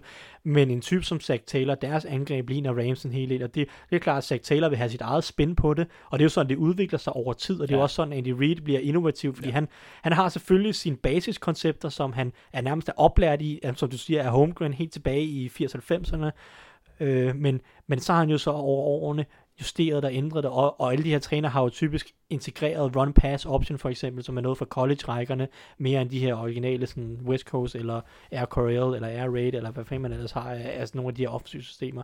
Og ja, jeg ved ikke, lad os, lad os, bare, lad os bare prøve at holde den nogenlunde der, øh, og, og sådan, men altså West Coast offense er en er en angrebsfilosofi, angrebssystem, som ligesom baserer på de her korte timing-baserede kast, Øh, og, og, og man kan i hvert fald, jeg vil sige, Raiders kan man prøve at kigge efter det. Det synes jeg er det, det, det mest rene West Er det sådan så bare at kigge på kampen, de spillede i, i søndags? Altså, der kom, ja, der kom Carl ud med... Nat, altså, hvad hedder ja, natten ja, ja. mandag nat, ikke? Øh, og, og ja, og de, der er ikke nogen sex af Denver, fordi han bare får bolden ud så hurtigt. Det er, det er ikke fordi deres tackles ikke bliver slået, de bliver slået, men bolden er bare væk. Og, og, og det, det er jo en anden ting ved West Coast angrebet, man kan sige. At bolden kommer generelt hurtigt ud. Så det, det, det, vil sige, det er et West Coast angreb. Timing, det er sådan, time. Præcision, eksekvering. Præcis. Øh, uh, og det, lad os bare enten der, der er mange andre facetter i det, men øh, uh, lad os, øh, um, lad os, lad os slutte ud af spørgsmålet der, så synes jeg, vi lige hurtigt skal køre picks igennem mm. for, for den kommende uge her. Ja. Øh, uh, vi starter torsdag nat med Panthers mod Buccaneers. Har vi, øh, hvad siger I, Gunnar? Panthers, u- Panthers. uden tvivl. Panthers ud, eller ja. Panthers uden tvivl. Det var ikke, fordi vi var imponeret af James Winston. Eller lad os, deres offensiv linje. Lad os sige Bengals uh, 49ers. Altså, jeg har 49ers. Du var Niners. Ja, ja, ja, jeg må jeg blev lidt, øh, lidt smitten efter den præstation på udebane mod Seattle. Så du øh, siger... Bengals. Bengals. Jeg har også Bengals, må jeg mhm. sige. Jeg synes ikke, at 49ers altså, angreb er specielt godt mod, mod Buccaneers umiddelbart. Så, så, tager vi, så tager vi Bengals. Detroit Lions mod Los Angeles Chargers. Chargers. Altså jeg har Chargers, men den, kan, den er stadig lidt sneaky, øh, at Detroit godt kan overraske, synes jeg. Men jeg har Chargers. De er gode til at stoppe løbet, Detroit, altså. Så, Det er rigtigt, og de, de så gode nok ud, indtil de ja, det er jo blev bange for at vinde. Ja, det er jo som det altid er. Men der vil jeg så også sige, hvad er, hvad er Cardinals niveau? Ja, det, var, det er svært at vide, og Ja, det er også svært at præcis. vide, hvad Detroits niveau er. Det, det, det, det, er, det er et svært hold. Men- og, men og man kan godt se Stafford øh, fyre igennem det øh, forsvar uden Dervin James. Altså, øh, kaste nogle lange bolde ned, det, det kunne jeg godt se. Jeg tror nu stadigvæk, Jeg tror, de vil gå efter løbbolden rigtig meget. det tror jeg også. Det kommer de også det var til, det, men, coach men, gjorde mod Chargers, og, og Darren Bevel er der, og de vil gerne løbe bolden meget. Men det, det er allerede afgjort. Daryl Bevel er der. Så løber de bolden meget, ja. Mm. Lad os, øh, det blev Chargers. Så Ja, tager vi Chargers. øh, Packers mod Vikings. Den, er, øh, den glæder mig lidt til. Jeg, jeg har et gæt på, hvad du måske vil tage, Mark, men øh, hvad- Han jeg tager start. Packers. Han tager bag. Okay, men øh, Øh, nej, hvad siger du, Anders? Altså baseret på, på spil uge 1. De vandt begge to. Ja, men jeg, jeg, jeg synes, at, at Vikings gjorde en pænere figur. Men, men øh, hjemmebanefordelen her, øh, Packers. Jeg kan mærke til, at vi slet ikke har svinet Aaron Rodgers i den her podcast. Så øh, lad, Det er fordi, jeg er bange for, at Glenn kommer efter mig. lad os, øh, lad os øh, se, hvordan han gør det den her uge. Hvad, siger du, Mark? Er, Ja, er du også på Packers-vognen? Eller? Nej, jeg synes, jeg synes at, at Vikings slog det bedste hold i sidste uge øh, af de to hold, der, der vandt af Packers og, og Vikings. Og så, så kan jeg godt se samme formel øh, til en vis grad virke mod Packers, som, øh, som de gjorde mod Falcons. Øh, men og de kan lukke ned for, øh, nu plejer de at lukke ned for Julio Jones, men når de kan lukke ned for Matt Ryan på den måde, som de gjorde, Mm. så kan de bestemt også lukke ned for Aaron Rodgers. Men det er blevet mere spændende, efter at det ser ud til, at Packers har et forsvar. Øh, Ja, men, men, men det er også det, fordi nu skal Ja. jeg jo afgøre det her, og jeg er godt nok noget i vildred, fordi Packers angreb så Gud hjælp med mig, Gud hjælp mig ikke ret godt ud i U1. Jamen, det var så mod Jeg- Bears forsvar. Det var mod er Bears altså forsvar. forsvar. Det er det også, men Vikings forsvar også godt. Ja, det er. Men Ja, jeg, specielt det kom stoler, virkelig... Altså. jeg stoler heller ikke ret meget på Vikings angreb i længden, sådan set. Så jeg, er, jeg har faktisk lyst til at gå med Packers også, må jeg indrømme. Jeg tror, der er noget Der er ingen, der hjemmebane. fedter op for et Packers community, var? Jeg tror, ikke, jeg tror ikke, man kan anklage mig for fedt på Packers Nej. community. Ja, det var du har brug for det. Altså, jeg tror, jeg, jeg, som jeg husker det, så tog jeg også Har du fundet en, øh, sidste uge. Men, kom, du, øh, kom du hjem og fandt en ost på dørmåtten, og så blev du bange, eller hvad? ja, øh, ja, det er nok det. Ej, men det, jeg, jeg, jeg er også lidt som Anders. Jeg går med hjemmebanen. og Det er mit nye ud, yndlingsudtryk i hele verden, det der. Ah, fandt du lige noget på dørmåtten? Ja, det gjorde jeg. Det er vel Packers fans til svar på hestehoved i sengen, er det ikke? det kan bruges til så mange ting. Okay, lad, lad os tage den næste kamp. Uh, Titans mod uh, Colts. Goals. Du tager Colts. Ja. Det er ikke med min gode vilje, men jeg tror faktisk, jeg tror faktisk på, at øh, nu tror jeg måske, jeg fik talt mig lidt varm på dem. Jeg tror, Ja. ja. deres angreb. Altså, jeg er spændt på at se, om... Øh, jeg har haft den for den, øh, efterhånden i lang tid, nu skal jeg nok øh, gøre det hurtigt, en fornemmelse af, at Titans er et øh, op, ned, op, ned hold. Sådan, de varierer meget i deres præstationer. Ja. Men Jamen, jeg tager altså- Titans. Okay. Altså, jeg synes, Mariota, han så fornuftig ud. Deres forsvar er solidt. Øh, de har nogle, nogle gode våben. AJ Brown, my little homie. Eller han er, han er så nok højere end mig. Men fan, fantastisk debut af ham. Min, øh, en af mine øh, favoritspillere fra draften. Så øh, ja, Min wide receiver 1 i draften. ja, det er rigtigt. Jeg tror også, øh, jeg tror også at det var måske en af, en af, en af influenterne. Øh, jeg må sige, at jeg er meget i tvivl her, fordi jeg har min, min mavesfornemmelse siger Colts, fordi som Anders siger, Titans det er op og ned, og jeg var faktisk ikke super overbevist efter at have set kampen. Jeg, jeg synes ikke præstationen var så god som resultatet mod Browns. Ej, det var også voldsomt resultat. Det, det, endte, det endte meget voldsomt på en eller anden måde, men det er jo sådan et solidt hold, og jeg ved stadig ikke, hvad Colts er lige nu, må jeg indrømme. Jeg, jeg, jeg, jeg går med min nervefornemmelse, og det er Colts, men øh, jeg er godt nok usikker her. Og, Ej, ja, og, og, og, og jeg, hvis Titans er. vinder, hvis Titans vinder, så øh, må jeg undskylde for de få Titans-fans, der er, fordi så undervurderer jeg dem, og det er jo en, generelt en ting, man gør typisk ved Titans. Altså, jeg, vil, jeg vil sige, at, at, at jeg har virkelig prøvet at lade være med at undervurdere Titans i den sæson, og jeg tror, at Titans får en rigtig god sæson. Jeg tror, altså, men, men det her kunne være en af dem, de godt kan tabe, fordi ja. det her Coles hold netop er lidt... Øh, Det skal siges, kampen er i Tennessee. Den næste kamp øh, har jeg allerede bare trykket, og det er Patriots, der vinder over Dolphins. Jeg gider ikke engang at høre det, så vi, vi går videre til, øh, det bliver en lang sæson for Dolphins fans. Ja, det gør Vi det. skal nok komme til at snakke om dem på et eller andet tidspunkt. Vi finder en kamp, hvor de møder et øh, hold, som, øh, hvor de måske har en chance på. Eller på et eller andet tidspunkt håber jeg, at de viser noget, som vi, som vi kan snakke om. Ja. Men øh, Giants mod Buffalo Bills, det er...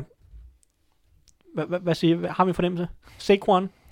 Du, Det er du, min du, fornemmelse. det, det er Giants fornemmelsen. Øh, øh, ja, åh, altså begge hold er, gjorde bare ikke en god figur af sig selv. Ej, jeg, mm, Altså, Bills var meget gode, bortset fra, at de havde Josh Allen som quarterback. Nej, og var, det- tog han mange dårlige det beslutninger. har de nok også i næste runde, det tror jeg. i Det tror jeg også, du har ret i. Ja, mm. men så er spørgsmålet så, om Giants øh, forsvar simpelthen bare for dårligt til at følge med. Det Altså, ah, mit, mit, øh, min kærlighed til Saquon fik mig til at udtale mig lidt for hurtigt. Jeg tror på Bills. Okay. Jeg er også på Bills. Jamen, jeg er også på Bills. Jeg, det er det der Giants forsvar, stoler jeg ikke på. Steelers mod uh, Seahawks. Hvad siger I, boys? Steelers. Mark? Du er fristet? Jeg har skrevet Steelers. Men jeg, det er... Det er åh. Begge sider af den mønt, jeg kaster, er slidt. Jeg kan ikke se, hvad der står. Jeg synes, det er, jeg synes, det er svært. Jeg kan se den her gå begge veje, men, men nej. Det er jo så igen mave. Åh, nej. Jeg tager Steelers. Fint, så behøver jeg ikke at sige, hvad jeg gør. Jeg tager Steelers. Øh, Det, det, der er noget hjemmebane, som vi stoler en lille smule på. Redskins mod Cowboys. Cowboys. Det er i orden. Jeg er enig. Texans mod Jaguars. Texans. Jeg tager også Texans. Texans, Anders. Nu må du lade være. Ja. Jamen, jeg vil gerne have en overraskelse, der er urealistisk hver uge, ligesom jeg tog Giants i sidste uge. Okay. Ravens mod Cardinals. Der kan du tage din Cardinals, hvis du gerne vil have en Ravens. overraskelse. Ja, Ravens. Okay, fint. Ja, der må også være Uh, realistisk. Raiders mod Chiefs. At Chiefs. Ja, ja. ja. Uden Tyreek Hill. Jamen, Ja, de, de- de, havde jo, de havde jo Sammy Watkins. altså ikke, at han, at han griber for 48 yards og 3 touchdowns. Øh, 200 yards og 3 Så, touchdowns. så træls at møde Dennis, som Ja. ja. det er ham, jeg skal slå i, i Google Men Ligaen, til og så har gengæld han Sammy Watkins. En her virkelig, virkelig, virkelig, virkelig sådan stor og, og, og altså, storladen bryllupsgave, du gav ham. uge. At lade ham vinde. Nå. Uh, den var Broncos mod Chicago Bears. Hvem scorer først tre point? Er det, ikke, har- er det ikke, som man vinder den kamp? Tre point, så, så vinder man. Jeg kører september-reglen her. Septemberreglen, den var? Yes. altså, øh, jeg har også Broncos. Okay. Wake me up when September ends. Yes. Uh, Rams mod Saints. Altså, ja, jeg, jeg, jeg, øh, selvom det var opsat før den måde, vi snakkede om det før, så tror jeg faktisk på, at Rams vinder. Du tror på, at Rams vinder. Anders? Ej, jeg tror faktisk mere på, sej, det er udebane, og Drew Brees. Uh, Revanche og... Skal du ikke have revanche? Skal de ikke have revanche? Ah, jeg tager Rams. Du vil gerne afgøre det, hva'? Det er fint, så tager Rams. Jeg tror, jeg har med Saints. Men uh, Falcons mod Eagles. Eagles. Eagles. Lad os bare lige fornævne, at Falcons præstation i U1 var under al kritik. Nå, Ja, det, det, det, var- det, var også derfor, jeg lige sådan, jeg, jeg nåede lige at sige, eh, da Mark han sagde det med, at det var den bedste modstander, eller bedste sejr, eller et eller andet. Nej, nej, Falcons var ikke Jets, Jets mod Browns. Sidste kamp, boys. Brownies. Jeg har Jets. Du har Jets. Du har Det er frækt på hjemmebane. Altså, jeg udelukker heller ikke, at Jets vinder. Det kunne godt være, det kunne godt være sådan. Adam Gates, han er jo verdensmester i at lave opsæt og vinde de der, altså, være sådan lidt heldig på en eller anden måde, som du ved, falde ind i sejre. Men øh, jeg har også taget, jeg, jeg, jeg tager Browns. Mhm. Det er simpelthen det klart mest talentfulde hold, men, men Gates, det vil bare være sådan en rigtig typisk kamp. Altså det her, det er baseret ud fra, at jeg også, lidt ligesom Anders godt kunne tænke mig at, at sætte sats. Jeg synes det er egentlig et kvalificeret sats, og så er min indre Sam Darnold håber på, at han bryder ud. Og så tror jeg bare, at det er, jeg tror godt, at Browns kan knække for det her pres. Dårlig start, Monday night på udebane. Frisky Jets hold. Ja, Okay. Frisk. det kan være, de, det kan være, de glemmer at lukke uh, Gaze ud af, af locker room, så kan det være, at de vinder. Men øhm, de her, tak for jeres øh, input i den her uge. Øh, Selv det har tak. været en fornøjelse, som altid. Glæder os til næste spilleuge. NFL. Håb, forhåbentlig bliver vi også en lille smule klogere. Det bliver fedt at se to uger i træk, man ligesom kan fornemme noget. Men øhm, vi lytter til ved næste uge her. Mit navn er Thijs Oranger, og med mig har haft Anders Kaltoft og Mark Skafte.